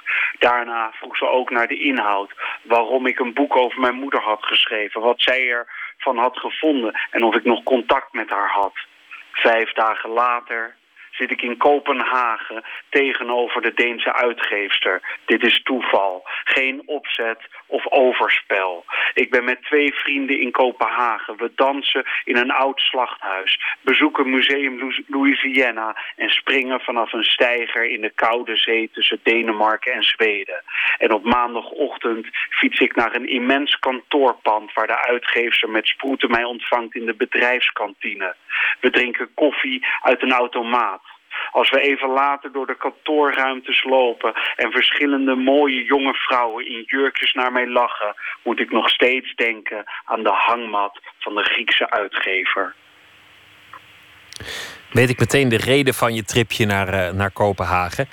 Ja, niet, niet alleen de vrouwen schijnen mooi te zijn, maar ik, ik zag in de documentaire reeks van Stine Jensen een, eh, een, een tijdje terug dat, dat er enorme vraag is naar Deense zaaddonoren. Omdat men die mannen ook heel mooi vindt. Van die, van die lange, blonde vikingen. En dan willen ze allemaal zaad uit Denemarken wereldwijd. En dan had ze een reportage in een, in een spermabank. En, en die eigenaar, die klein, dik en donker was... Mhm. die, die zei dat hij zelf ook af en toe wat van zijn eigen zaad ertussen stopte. Dus dat is dan formeel wel, wel Deens zaad, maar waarschijnlijk niet de, de verklaring waarom ze zo ver zoeken naar dat. Uh, Als romanschrijver denk je dan meteen aan de teleurstelling van, van, van, van een koppel dat, dat de Deense zaad koopt en dan met een donker kind opgeschreven zit. Maar ja, goed, ik ben zelf ook een donker kind. Dus ja, maar als hij dan ook, nog, als hij dan ook nog, nog, nog klein en dik is en je hoopt op een, op een vikingzoon. Ja. Vol, volgens mij kun je, kun je nog steeds gelukkig worden. Nog, ja, het, het, is waar. Maar goed. jij hebt geen kinderen, hè, Pieter? Nee, nee, ik heb wil, geen kinderen. Wil je ze wel? Wil nee, je ze wel? ik wil ze ook niet. Dus, uh, wat, wat zeggen je ouders daarvan? Die uh, hebben zich er volgens mij bij neergelegd dat, uh, dat de kleinkinderen niet van mij zullen komen. Maar wat als, je, als je nou een Deens meisje tegen het lijf loopt? Zo'n prachtig, mooi, onschuldig, blond, engelachtig nou ja, goed, je weet waar ik het over heb. En zij wil wel met jouw relatie, maar die zegt wel... ja, dan wil ik wel een kind van je. Wat zeg jij dan? Nou, dan probeer ik dat gesprek heel lang uit te stellen, Ernest. heel lang uitstellen. Ja, maar ze, ze, ze, stelt je voor een keuze. Want ze is, al, ze is al 39, 40 jaar oud. Ze heeft niet zo lang meer. Nou, dan, ga ik, eh, dan zou ik denk ik toch rennen als Jesse Owens.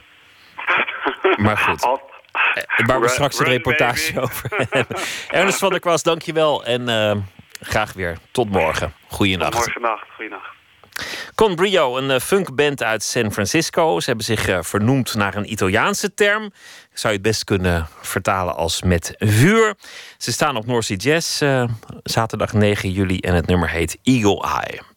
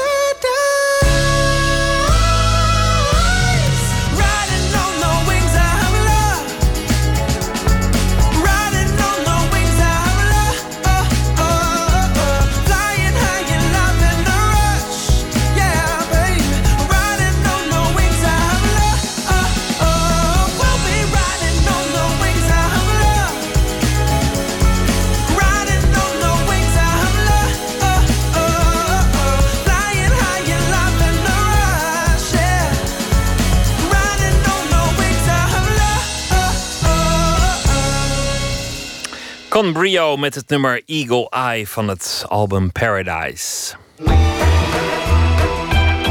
Nooit meer slapen.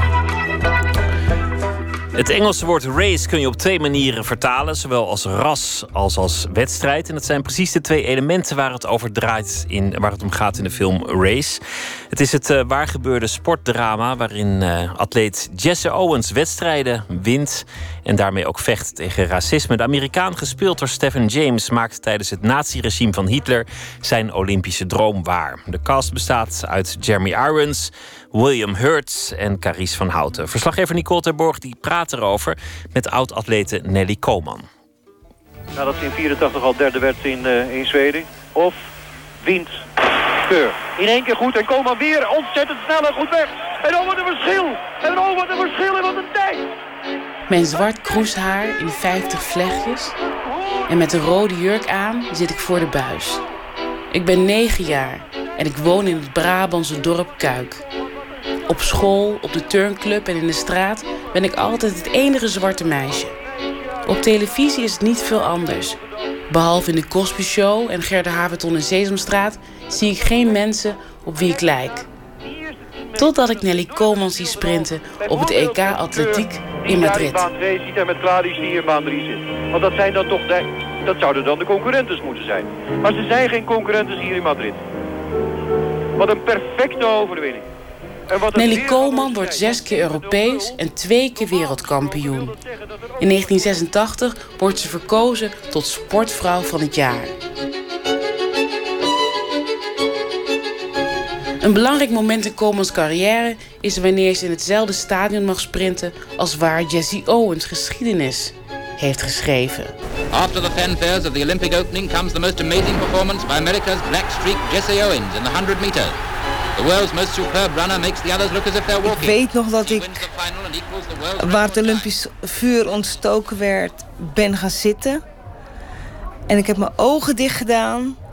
En het leek wel of ik daar weer terug was tijdens de Olympische Spelen van Jesse Owens. En dan denk je, wauw, hier mag ik ook zijn, hier mag ik ook lopen. Who do we have here? I'm Jesse Owens. You're a natural. I don't trust naturals. I will say, you can run. Boy oh boy, you can jump. Het meest is bijgebleven eigenlijk de scène dat uh, Jesse voor de tweede keer Olympisch kampioen werd. En dan uh, gehaald werd door de chef de mission nu dan in Nederland. En naar boven werd geroepen om door Hitler gefeliciteerd te worden. En dan komt hij daar aan. Iedereen kijkt hem heel raar aan. Het was een zwarte man. En Hitler is er niet eens. En dat gevoel van uh, de teleurstelling die hij in zijn ogen heeft... raak je zo diep, want... Potjandoki Moki, Olympisch kampioen. Je hebt de beste van de beste verslagen en, en niet zo lang uh, ben je ontdekt. En dan komt het zo over als een vernedering.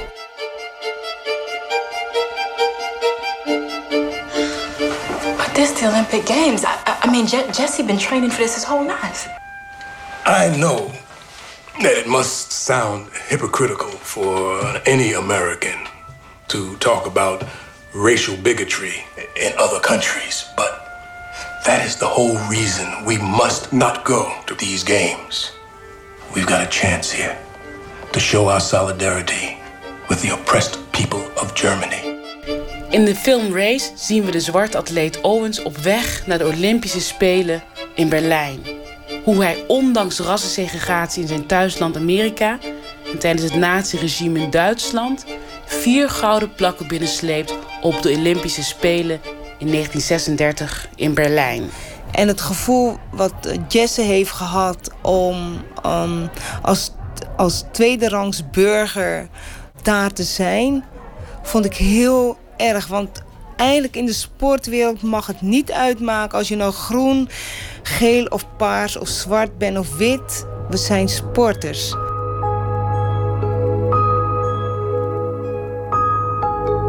We hadden net getraind voor de estafetteploeg. En uh, natuurlijk, uh, als ik getraind heb, voel ik me vies. Dus ik wilde gaan douchen. Dus ik stap als eerste de bus in. Maar ja, zo groot ben ik niet. Dus ik zat uh, een beetje gedokt. Zoals ze in Suriname zeggen. Dus achterin een beetje aan het hangen. En er kwam iemand ehm, binnen en die zei... ja, ik snap niet dat die Surinamers meedoen met, met nationale ploeg.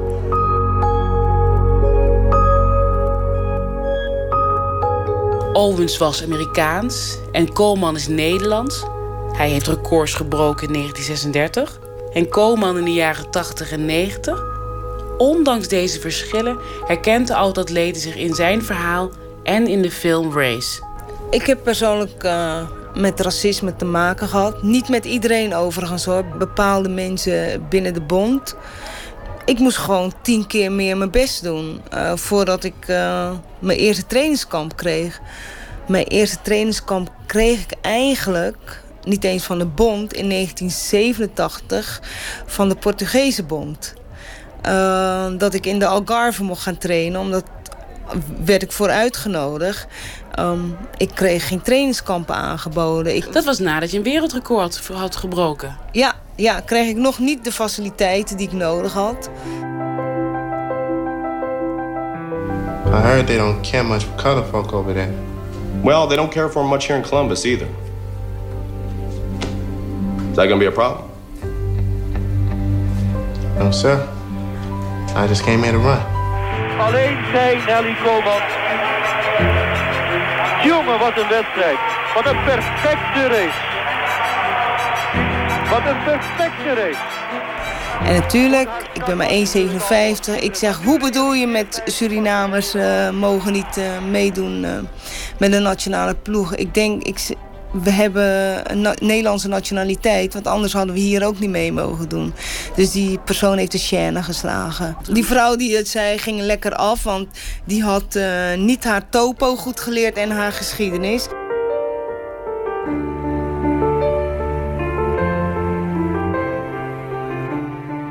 Maar weet je, dat heeft mij alleen maar sterk gemaakt. Dat heeft me alleen maar uh, gezegd, uh, de kracht gegeven van...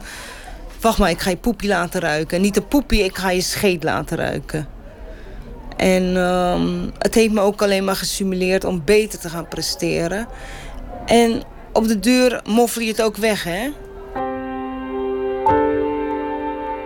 Alle negatieve dingen stop je weg in de topsport. Als mensen nou negatief over je praten of negatief over je denken, stop je weg. Tot een bepaalde hoogte. En dan is het op. En dan kan je niet meer.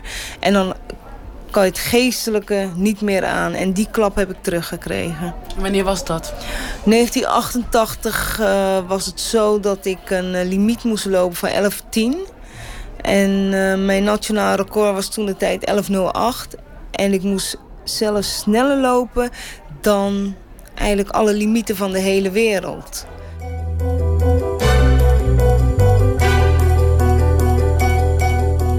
Wat er nu gebeurt, als je naar Daphne Schippers kijkt, is het uh, toch verschil dat ze helemaal voor haar gaan. En dan heb je Sivan eh, Hassan, die is ook een potentiële kandidaat om Olympisch kampioen te worden. Wordt er toch anders over gedaan. En ik heb zelf dat vergeet ik nooit weer. Uh, afgelopen maand gehoord dat iemand gewoon tegen mij zei... ze is geen Nederlandse, dus ben ik eigenlijk niet voor haar. En toen zei ik tegen die meneer... maar ze loopt voor Nederland. En ik heb het ook gedaan. En ik had ook een andere huidskleurtje. Zeiden ja, maar jij was anders. I got people looking at me for an example. What people? What people? Black people? Come on, I don't give a sh about any of that. Yeah, well, you're white. You don't have to.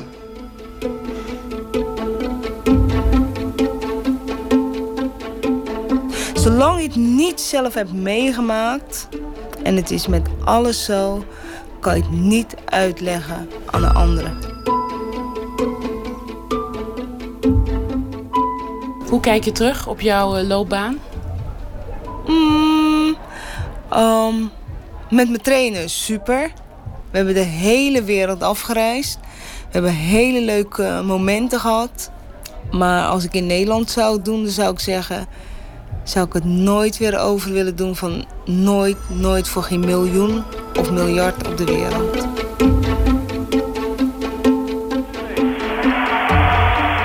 Wat een perfecte race.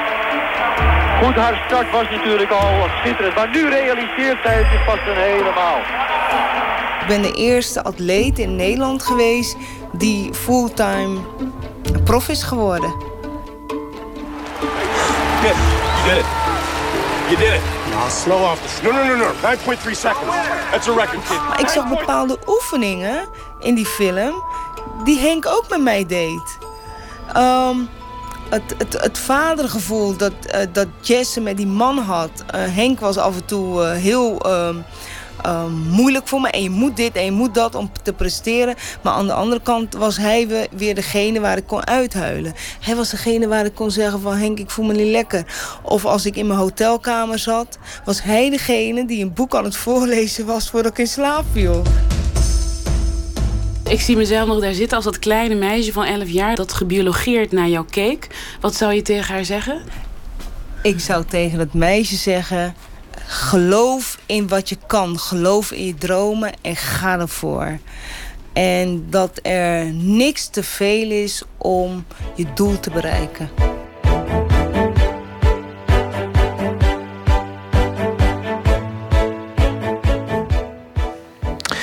De film Race draait vanaf donderdag in de bioscoop. Een bijdrage van Nicole Terborg. De Avett Brothers is de band rond de broers Scott en Seth Avett. Ze komen uit Massachusetts, um, in de buurt van Boston. Hun nieuwe album heet True Sadness, geproduceerd door niemand minder dan Rick Rubin. En daarvan komt het volgende nummer No Hard Feelings.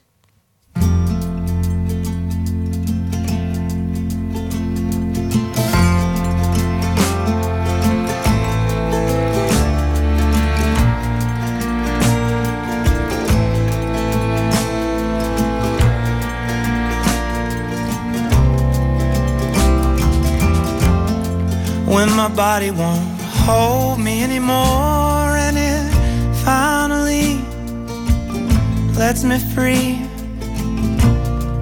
Will I be ready when my feet won't walk another mile and my lips give their last kiss goodbye? Will my hands be steady when I lay down my fears, my hopes and my doubts, the rings on my fingers and the keys to my house, with no hard feelings.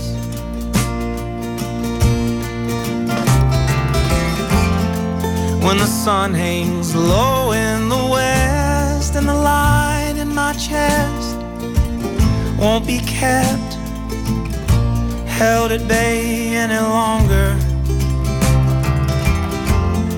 When the jealousy fades away and it's ash and dust for cash and lust, and it's just hallelujah and love and thought, love in the words, love in the songs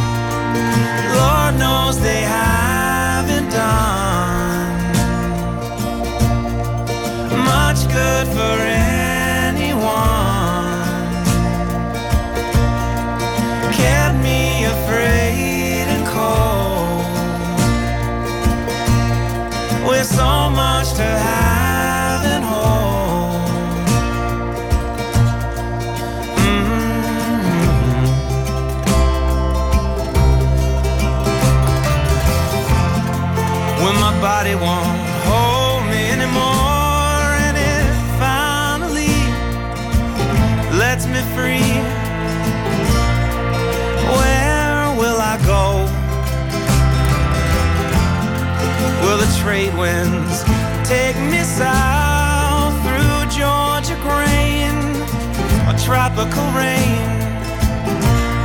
or snow from the heavens?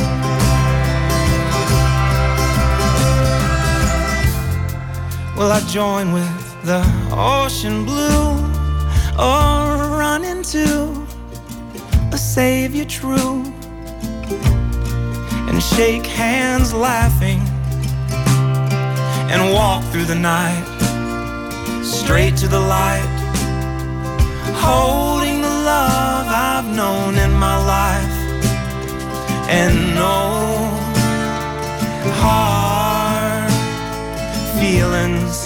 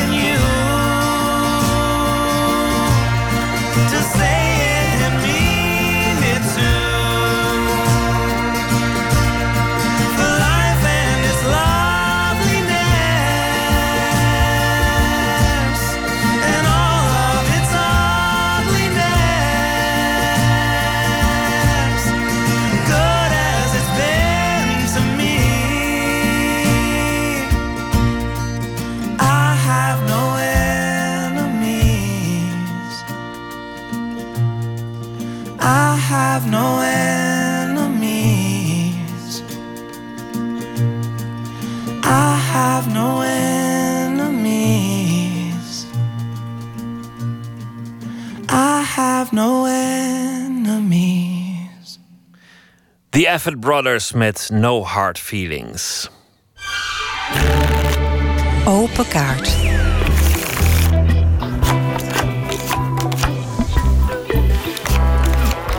Bak met kaarten, 150 stuks, vragen over werk en leven. En de gast trekt zelf de vragen. En het is vandaag acteur Sabri Saad El Hamous. Hij eh, studeerde economie in Egypte, kwam eind jaren 70 naar Nederland. Stortte zich daar op zijn grote liefde, het toneel. Is artistiek leider van theatergroep De Nieuw Amsterdam. Hij acteert, regisseert, hij zet nieuwe voorstellingen op. En daarnaast is hij ook bekend van films en televisieseries. Levenslied, Lijn 32 en Het Schnitzelparadijs. Zijn nieuwe voorstelling heet Ik houd van Holland. Baheb Hollanda is het, eh, het huwelijk gebruikt hij daarin als metafoor voor integratie. Egypte is zijn moeder en Nederland zijn vrouw. Vanaf donderdag te zien op de parade. Welkom, Sabri. Dankjewel. Laten we meteen beginnen met de kaarten. En dan hoop ik dat, dat het een beetje toepasselijke kaarten zijn. Die, Ja, ik hoop het ook. Die, die ons iets zullen opleveren. Trek ergens halverwege, want ik schud altijd heel ja, slecht. dat is heel goed. En ik In het midden. Wanneer heb je voor het laatst gehuild? Nou, dat is Wat een mooi. mooie vraag. Wat een mooie vraag. Wanneer heb ik voor het laatst gehuild? Ik heb eh, van de week gehuild tijdens het spelen. Eh, ik was aan het repeteren in de middag en ik was eh, een stukje aan het spelen over het afscheid dat ik niet heb mogen nemen van mijn vader. Eh, het, is een, het is een beetje een autobiografische voorstelling. Ik vertel een beetje over eigenlijk de avond dat ik vertrok uit Egypte... en de avond dat ik aankwam in Nederland. En ik probeer eh, het, het, het verschil met nu te maken. En eh, de avond dat ik vertrok uit Egypte... lag mijn, terwijl ik afscheid nam van iedereen... lag mijn vader en weigerde afscheid van mij te nemen... omdat hij tegen het idee was dat ik vertrok. Hij vond het, vond het geen goed Hij idee dat je wegging. Nee, want ik was een oudste zoon en ik moest hem met de, de, de ge- gezinsbeslommeringen eh, helpen, zou ik maar zeggen. En ik was 19. En hoe kon ik het in mijn hoofd halen om te vertrekken? Dus hij lag daar op zijn bed, op zijn rug... heel demonstratief tegen mijn vertrek te zijn. En ik stond daar en ik ik was verbaasd eigenlijk over dat hij niet opstond. En dat, ik, ik spreek nu mijn hoofd uit wat ik toen dacht. Sta op, hou me vast en neem goed afscheid van mij. Zeg, wees dapper, mijn zoon, en kom veilig terug. Maar dat heeft hij niet gedaan. En terwijl ik dat deed, ik bedoel, ik heb het mijn vader nooit kwalijk genomen, maar ik was wel verbaasd eh, daarover. Maar terwijl ik dat deed, was ik wel ontroerd. Van de week, eergisteren. Hoe is dat verder gegaan met je vader? Heb je hem daarna nog gezien? Is, is, is het ooit Eh, goed gekomen? Ja, ja gelukkig wel. Gelukkig wel. Eh, maar het is, dat is een verhaal apart. Want ik heb, eh, ik heb hem tien jaar nadat ik hier naartoe ben gekomen niet kunnen zien. Ik kon niet teruggaan tijdens mijn verblijf hier in Nederland. In de eerste tien jaar van mijn verblijf in Nederland kon ik niet terug naar Egypte omdat ik anders het leger in moest. Eh, dus ik heb gekozen om hier te blijven. En ik heb hem dus niet oud zien worden. Ik heb mijn vader op zijn vijftigste achtergelaten. En ik kwam terug en hij was 60, was ouder. Ineens een oudere man. Een oudere man. Veel ouder dan ik hem, eh, tien jaar ouder dan ik hem eh, achterliet. En milder vond ik ook wel. En dat maakte het contact ook makkelijker. Want hij, mijn vader was een politieagent. Dus hij was vrij streng, toch wel ergens in zijn opvoeding. Eh, vooral naar zijn zonen. En ik was dan eh, zijn oudste zoon. Ik was af en toe jaloers eigenlijk op mijn zus. Als ik mijn zus zo naast hem zag zitten en met hem praten en praten. En ik dacht van, ja, maar ik wil ook met je praten. Maar dat gebeurde maar niet. Eh, omdat we mannen waren, ik weet het niet. Het, dat was...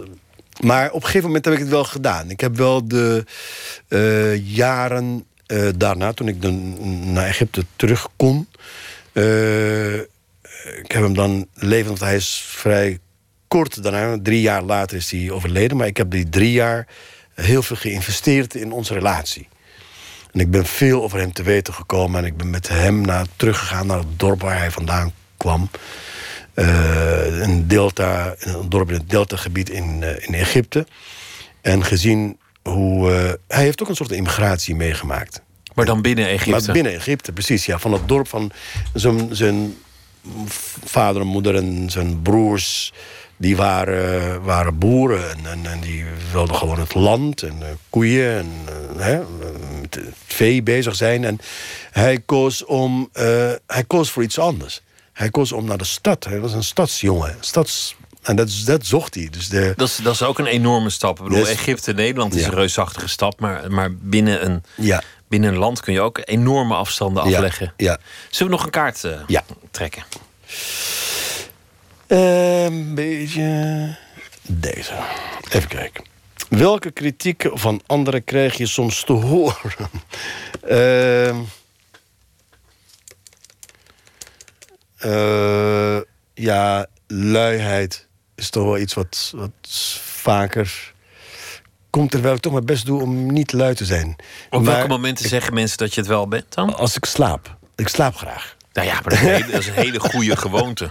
Ja, vind ik ook, ja. Vind ik ook. Ja, eindelijk. Ja, een mens moet acht slapen. Uur sla- acht uur slapen ook. Maar als je Ja. niet acht uur slaapt, dan ben ik geen mens. Dus ik, eh, ik probeer dat te halen.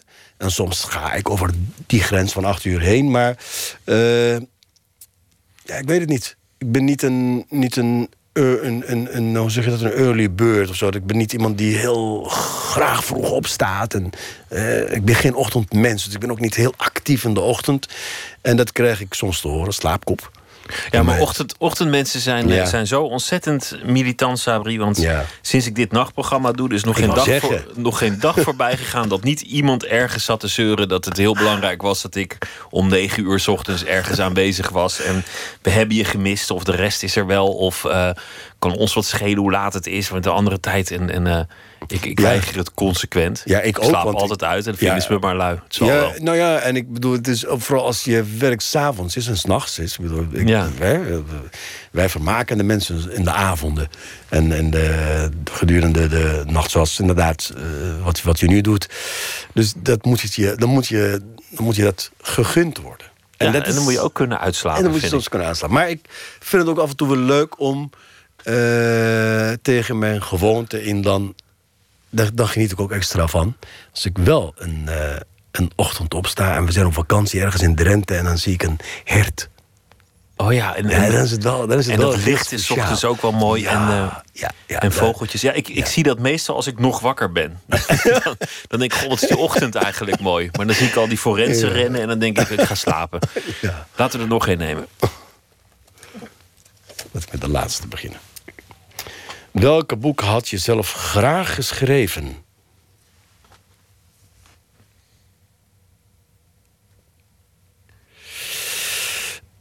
Ja, dat is een moeilijke vraag. Ja, dat is een moeilijke vraag, ja. Want er zijn wel een aantal boeken die ik eh, mooi vind. En het, eigenlijk de eerste die... eh, ik, ik ga niet meteen de... Oh ja, nou ja... Ik, eigenlijk blijven de twee boeken zo hangen. Eh, En een beetje, het is een beetje controversieel, maar ik zeg het toch. De ene is de Koran. Ja, daar staan toch prachtige verhalen Dat had ik wel heel graag geschreven, ja. Ja. En Ik zou, ik zou, ja. nee, maar dat heb ik met de Bijbel ook. Dat ik denk van ja, dat, dat zijn toch- zo'n boek wil je schrijven. Ja. Ik zou ook wel trouwens de royalties willen krijgen De- van, van, een van die boeken. Maar, maar goed. Ja, maar dat kan niet. Dat, nee, dat kan niet. Dat Nee, snap ik. niet. Maar, maar waarom de Koran? Eh, omdat het zo ritmisch geschreven is. Prachtig. Ik bedoel, ja, ik word niet voor gek eh, uitgemaakt... omdat het, eh, de Koran is het woord van God. Het absolute woord van God. Van Allah. En, en wie ben jij om dat, je dat, om, dan, om dat te willen, eh, te denken überhaupt. Maar ik denk dat het boek geschreven is. Dat het echt, ik bedoel, dat het, het is niet het absolute woord van God. Dat, Zo'n mens geschreven. Het is een, door een mens geschreven en ik denk door Mohammed geschreven. En het is een, een, in dichterlijke vorm geschreven en echt magnifiek. Eh, Het, het, het, ik heb het niet alleen maar over de inhoud, want daar kunnen we gewoon over discussiëren. Of, hè, of je het ermee eens bent of niet. Mhm. Maar de taal. de taal. De sfeer. De taal. De taal vooral. Ben, je ermee grootgebracht? Ja. Was dat, Ja. was dat, werd, dat, werd het dan voorgelezen? Of was Ja, het een, ja, mom- ja, een plechtig ja. moment in het, in het ja, huis? Ja, regelmatig, regelmatig. Ik bedoel, en, en ik, ik, ben er, ik, ik, ik heb het ook zelf gedaan. Ik kon het ook eh, reciteren. En ik, eh, ik ben het laatste ontroerd door Ahmed Abu... ik- Ahmed Marcouch, ik wil zeggen Ahmed Abu maar Ahmed Marcouch was het. Die inderdaad op televisie eh, in een programma ook dat deed, reciteerde uit de Koran. En ik, ja, er zijn verschillende manieren om te, te, te- uit de Koran te lezen, voor te lezen. En het is muzikaal zo magnifiek. En Maar zo, ik vind het zo mooi dat je, dat je er niet meer echt in gelooft. Want je zegt het is, het is niet het woord van God. Ja. Maar, maar dat het boek toch bij je blijft. Ja, ja. omdat die, dat die taal ja, in je jeugd belangrijk is, Het is heel geweest. theatraal. En, en dat, dat, is- dat, is je- dat heel je theatraal mooi vindt. Ja. Het is heel kunstzinnig. Het is heel... Ja, het is e- echt... En het is, ik bedoel, het is kunst hoe mensen de menselijke eh, voice, zou ik maar zeggen, de stem, eh, om, daar, om dat te kunnen zingen eh, en, en te reciteren en de taal daarvan zo te proeven en te, uit te spreken. Dat is, dat is kunst, dat heeft, het heeft met verbeelding te maken. En soms is het angstaanjagend, moet ik je ook toegeven. En mm, wil ik er ook helemaal niks. Maar soms is het ook heel erg ontroerend. En heel, heel dichtbij. En heel alsof inderdaad een stem in je eh, eh, aangesproken wordt. Vertel even over de voorstelling. Want het, het gaat over migratie. Het gaat ook heel erg over jezelf. Over het leven dat, dat verscheurd is tussen twee landen. Een deel hier, een deel daar. Maar het is natuurlijk dezelfde man die het leeft. Het is nog steeds één leven. Ja. Je, je- je, zet dat om in een voorstelling. Ja, ik heb. eh, eh, ik, ik, ik wil ik, eigenlijk. Het, het is een korte versie van een langere. Ik hoop dat ik die voorstelling, dat ik later de kans krijg om de voorstelling wat uitgebreider te maken. Want het is een belangrijke, vind ik, eh, spiegel of zo voor het publiek. Omdat ik graag eh, terugga naar het, het, moment dat ik hier naartoe kwam. En dat was in 1978. 19, 18 augustus 1978 om half tien, om precies te zijn. En ik kwam aan met de trein uit Centraal Station en ik kwam en ik voelde me zo ongelooflijk welkom. En dat gevoel eh, eh, blijft nog steeds. Ik heb dat. Ik ervaar dat. Ik kan het nog zo eh, hebben als ik het Centraal Station uitstap en ik zie Amsterdam voor me liggen en ik voel me omarmd door de stad, letterlijk en figuurlijk. Eh, en ik vraag me dan af of een andere immigrant of een allochtoon of een, een, asielzoeker of een vluchteling of een nieuwkomer ook hetzelfde gevoel heeft. Ik heb dat omdat ik uit heimwee of uit herinnering aan die dag nog steeds meedraag, terwijl ik ook verandering in mentaliteit zie. In Die, de- die is er volgens mij de sinds de jaren zeventig wel geweest. Maar het, het is wel grappig, want wat, wat jij omschrijft... dat geldt natuurlijk op, op de kleine schaal. Zoals jouw vader naar de stad trok. Die moet ook een gevoel hebben gehad van... ben ik welkom, voel ik mij hier thuis? Is hier mijn aarde? Ja. Het is misschien dat een, een student uit Enschede... die naar Amsterdam komt Zeker, ja. als eerstejaars... dat hij, dat hij ook even dat gevoel moet hebben... als hij dat station uitloopt van... de stad wil mij hebben. Ja. Zit ook voor een deel in je eigen bolletje... of je dat voelt of niet. Ja. ja, dat is waar. Er botst iemand tegen je op en iemand Ja. is vriendelijk, iemand is niet vriendelijk. Maar, ja, dat is waar. daar dat kun je waar. niet Je aan kan- lezen. Ja, dat is waar. En ik, en ik, en ik, en ik wil er graag meedoen. Dat, is, dat, dat klopt ook wel. Dat, is- die houding heb ik eigenlijk nog steeds. Ik, bedoel, ik ben bijna 60, maar ik heb het nog steeds dat ik, wil, dat ik mee wil doen met al die optimistische en vrolijke mensen. En in Amsterdam heb je altijd een soort. alsof iedereen een, een, een feest viert. Het is altijd, een- is altijd wat. Ik zeg altijd, ik werk af en toe in België en als ik terugkom, voel ik dat ook. Alsof de gelukstemperatuur wat hoger staat in, in, in, in Nederland. In Amsterdam Het is voornamelijk. een uitbundige stad. Ja, het is iets uitbundiger dan de ja, omringende steden of, of, of de andere steden in, nou ja, vooral in België. Dan, als ik het vergelijk met Antwerpen, is wat, wat ja, ingehoudener en, en ja, timider. En Amsterdam is wat uitbundiger, ja. Het is ook een leuke stad hoor, Antwerpen. Ja, het is een heel belangrijk thema op dit Ja. moment, immigratie. Ja. En het is, het is mooi om daar verhalen over te, te horen en te vertellen. Eerst in Rotterdam, dan in Den Haag en dan uiteindelijk in het eh, geliefde Amsterdam. Ik houd van Holland, Baheb Hollanda, Saurisad en Hamous. Dank je wel. Graag gedaan, heel graag gedaan. Blueszanger John Lee Hooker, een eh, vernieuwer en een legende, was gezegend met een stem die het vooral s'nachts erg goed doet. We gaan luisteren naar I'm in the Mood.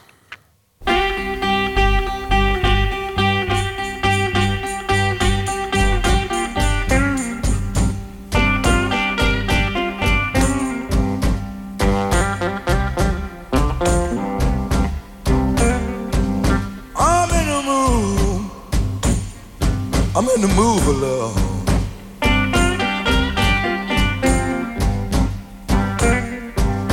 I'm in the mood, in the mood. Baby, I'm in the mood for love.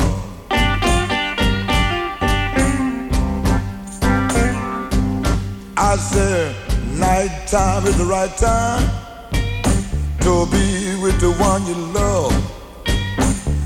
You know when night come, baby, God know you so far away. I'm in the mood.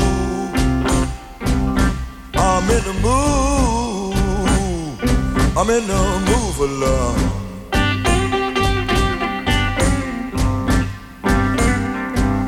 I'm in the mood, in the mood. Baby, I'm in the mood for love.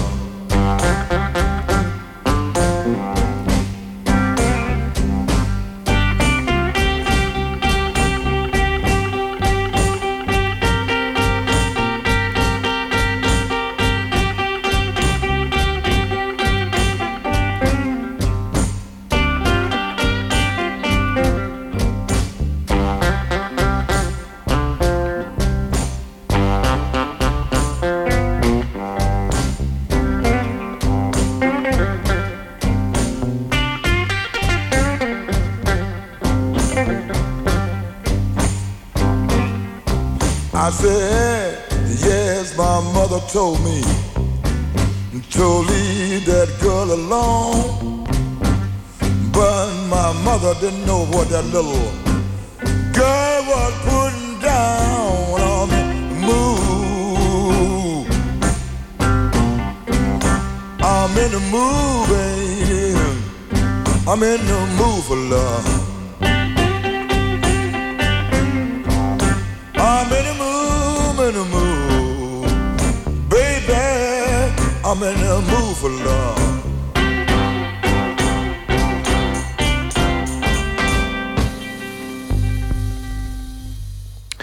I'm in the Mood van John Lee Hooker. Nooit meer slapen. Europa siddert nog na de kogel ging door de kerk. Vrijdagochtend werd het bekend, de uitslag van het referendum. De Britten stappen eruit. De brexit. Engeland uit de Europese Unie. Het stof begint eh, neer te dalen. En wat zijn eigenlijk de gevolgen voor de kunsten en de cultuursector. En wat zijn daar de reacties? Luc Heesen is nachtcorrespondent. Laten we beginnen met die reacties. Welke reacties heb je bij elkaar geraapt die je interessant vond? Nou, vooral negatieve eigenlijk. Er is woede, er is droevenis, er is teleurstelling. De Britse cultuurpagina's van de kranten staan er vol van. Bijvoorbeeld beeldhouwer Anish Kapoor, die zegt... ik schaam me diep voor mijn bekrompen landgenoten. J.K. Rowling van Harry Potter, de boeken... ik heb er nog nooit meer naar verlangd om te kunnen toveren dan op dit moment...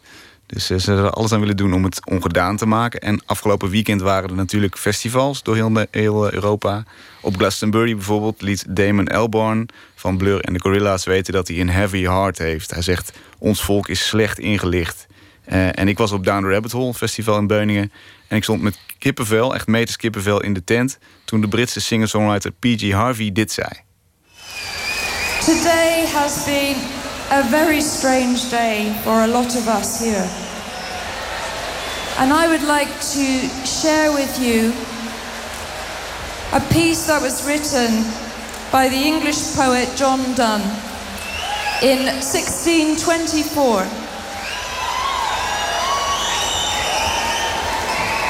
No man is an island entire of itself. Every man is a piece of the continent, a part of the main. Dus eh, PJ Harvey, et cetera. Duidelijke uh, voor eenheid. En waarom kan festivalpubliek toch nooit een keer een seconde die kop houden, maar vooruit. Waren er dan helemaal geen mensen uit de, de creatieve sector? Want, want ik, ik, nou ja, ik meen me er een paar toch wel te herinneren die, die voor vertrek uit de Europese Unie waren. Ja. Het is een heel levendig debat geweest. John Cleese ja, was voor de Brexit, om er maar één te noemen. Michael Caine, groot acteur, die zegt ook van ja, als er geen hervormingen mogelijk zijn en, en ik geloof dat die er niet zijn, dan moeten we gewoon wegwezen. Uh, maar toch verreweg de meeste Britse kunstenaars die zijn echt pro-Europa. De culturele vakbond Creative Industries Federation die uh, vertegenwoordigt zo'n beetje alle kunsten van, uh, van Engeland. Alle soorten kunsten dan. En die, die hield begin dit jaar een enquête. Wat bleek, 96% wilde in de EU blijven. Dus een verpletterende meerderheid. Met als belangrijkste reden toegang tot de Europese subsidies. En het zo vrij mogelijk kunnen bewegen van talent. Dus in en uitvoer van mensen. Ja, het is op, op, op alle vlakken natuurlijk nog een beetje afwachten. Wat, wat worden er voor nieuwe akkoorden gesloten? Uh, hoe star zal de EU zich opstellen? Die zijn ook emotioneel. Hè? Die, het, het, is een beetje alsof het vriendinnetje het uit heeft gemaakt. Eh, de, de reacties tot nu toe. Ik las bijvoorbeeld al iets over de uh, veilingen van, van grote kunstwerken. Dat gebeurt nu heel veel in Londen. Ja, kan dat, kan dat doorgaan? Dat soort vragen. Wat ben jij te weten gekomen over uh, wat voor concrete effecten het gaat hebben voor de cultuursector. Ja, dat is inderdaad nog heel moeilijk. Die hele procedure om de EU te verlaten moet nog officieel van start gaan. Dus het, het is echt koffiedik kijken. Maar ik heb gepolst bij wat mensen in de cultuursector... die veel met het Verenigd Koninkrijk te maken hebben. Zoals Michael Redeker, bekende Nederlandse schilder. Hij woont in Londen en hij exposeert over de hele wereld transport is natuurlijk een groot ding. Voor, uh, voor kunst natuurlijk een heel belangrijk element en een heel kostbaar element... wat, de, wat moeilijker zou kunnen gaan en daardoor te kostbaar wordt... om überhaupt dus in het buitenland getoond uh, te kunnen worden. Ja, je moet natuurlijk wel van het eiland af kunnen komen. En, uh, en je werk moet ook in de rest van de wereld te zien kunnen zijn. Best wel begrijpelijk dus, maar hij maakt zich ook weer niet heel grote zorgen. nou ja, de kunsten gaan natuurlijk gewoon door. Het is meer iets op op moreel niveau. Het is, je gaat terug naar, naar de 20e eeuw naar, in, plaats naar de 21e eeuw... waarin uh, landen samenwerken, waarin steden uh, internationaal samen allemaal dingen doen... Uh, en mogelijk worden gemaakt. Ja, dat is dan de situatie voor Redeker. Ik kan me ook voorstellen dat, dat voor mensen die daar veel werken... dat zijn er nogal wat, architecten, grafische ontwerpers het, het ook afwachten is hoe dit gaat lopen. Ja, zeker. Dat, dat lijkt me nog net een iets andere situatie. Ze bieden een soort culturele dienst aan in plaats van alleen maar hun, hun kunstwerk. Ik heb even gebeld met tuinarchitect Piet Oudolf. Uh, veel in Engeland gewerkt en ik heb hem gevraagd naar zijn verwachtingen. Voor mijn eigen werk verwacht ik niets meer of minder. Ik denk dat uh, dat, dat even goed komen. Ik zeg alleen de valuta, dat kan een probleem zijn als je toevallig in Britse ponden hebt geoffreerd. En uh, ja, dan valt het op de, dit moment even tegen. Maar voor mijn eigen werk denk ik niet dat het uh, van invloed is. Omdat het toch te specifiek is. En ja, mijn werk is geen handel. Mijn werk is toch iets wat, je, uh, wat meer is dan alleen maar een uh, product. Dus ik denk dat het daarom altijd overal boven zal staan of buiten zal staan. Ja, al dus uh, Radeker en Oudhoff, twee succesvolle kunstenaars. De kostenbatenanalyse, het woord is vaak gevallen dit weekende. Er was veel aandacht in de campagne voor de kosten van Europa... maar misschien wat weinig voor de opbrengsten. Subsidie, kortom. Je noemde het net al, de Europese subsidies. Mm -hmm. uh, hoe zit het daarmee? Nou ja, voor, dat... voor, voor, de, voor de Britse creatieven. Ja, die gaan in, en, uh, best een hoop mislopen. Er is een flinke pot met subsidie. Voor de hele EU uh, um, zit er ongeveer in de periode van 2014 tot en met 2020 1,46 miljard euro in. Nou, dat lopen die Britten dus allemaal mis. Maar ik sprak Ajo Klamer. Hij is hoogleraar economie van de kunst en culturen aan de Erasmus Universiteit. En hij zegt zelfs het wegvallen van die subsidie zal niet heel grote gevolgen hebben. En dat is vooral omdat de Britten een soort van systeem hebben van ja, private financiering, rijke mensen of bedrijven die geld in die kunst stoppen. Dat is een vrij opmerkelijk positieve blik van ja. hem eigenlijk. Ja, en, en Klamer gaat zelfs nog verder. Hij zegt namelijk, door de brexit zou je die culturele identiteit van het Verenigd Koninkrijk... die zou je nog sterker kunnen gaan ervaren. Veel kunst uit Engeland heeft een soort van Brits DNA. Uh, Britpop of, of Adele die de hitlijsten domineert. Of nou, die enorme theatertraditie die uh, de Britten hebben. Of de Young British Artist in de beeldende kunst. Ga zo maar door. Dat is allemaal heel uh, eigen eigenlijk. En het vertrek uit de EU, zegt Klamer, zou het imago van die Britse kunsten juist wel goed kunnen doen. Het, het versterkt die eigenheid. Nou, toen werd ik dan toch wel benieuwd hoe hij verklaart dat, dat, als dat waar is, zoveel medewerkers uit die culturele sector en artiesten toch in de EU wilden blijven artiesten zijn in hun denken, uh, bepaalde artiesten althans, uh, grenzeloos. Hè? Dat zij graag over grenzen heen gaan. Dat is ook uh, artiesten eigen. Dus hoogstens als jij daardoor minder makkelijk kan reizen, hebben zij inderdaad een probleem. Maar dat verwacht ik niet. Ik verwacht niet dat nu plotseling, doordat ze een paspoort maar laten zien, dat ze daarom niet meer naar, weet ik veel wat, naar Frankrijk of Nederland zouden gaan. Kijk, voor hun in hun verbeelding, in hun waarde, zien zij liever natuurlijk zo'n groot Europa waar Engeland onderdeel van is. Maar dat wil niet zeggen dat hun leven daardoor en hun kunstenaarsleven daardoor veel moeilijker gaat worden. Daar zegt hij eigenlijk iets dat, dat misschien wel voor de hele brexit geldt. Namelijk, de Britten hebben op heel veel vlakken Europa toch gewoon nodig. Mm -hmm. Bijvoorbeeld uh, politie-samenwerking, ik noem maar wat.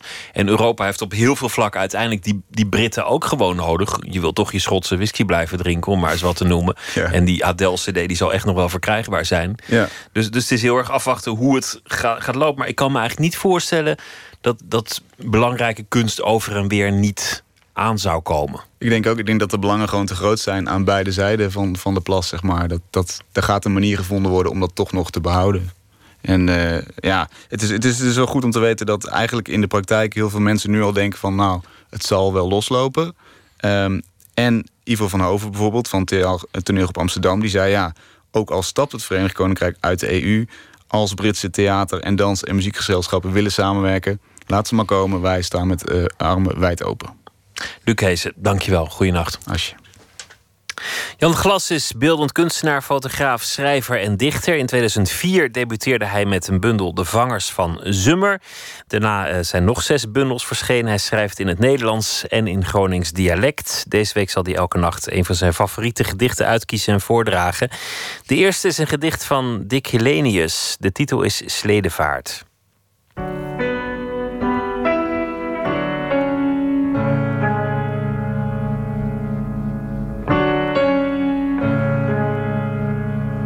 Hou heel erg veel van de poëzie van Dick Helenius. En dan vooral de gedichten uit de bundel Uitgroeiende Onwil... om ooit nog ergens in veiligheid aan te komen. Helenius schrijft geen gewichtige gedichten. Ik hou heel erg van gedichten die niet gewichtig zijn. Miles Dekker zegt over zijn poëzie... Uh, dat hij achter zijn zintuigen aanloopt... al prikkels verzamelend. En ik vind dat een hele goede typering van zijn werk. Het gedicht wat ik nu lees, daar komt ook de regel in voor die gebruikt is voor de titel van het boek. Uitgroeiende onwil om ooit nog ergens in veiligheid aan te komen. Het gedicht heet Sledevaart. Eerst alleen het gezicht van Lexje, waarop sneeuwvlokken smelten. Ze is warm en vrolijk naast me. dan uitvoeriger. We moesten haastig afreizen. De anderen, ouder, waren ernstig. Koffers, honden, het slaan van deuren. Alleen Lexje en ik vrolijk opgewonden. We borgen ons onder een langharige vacht. Het gevaar naderde. Schokkend vertrek en dan glijden.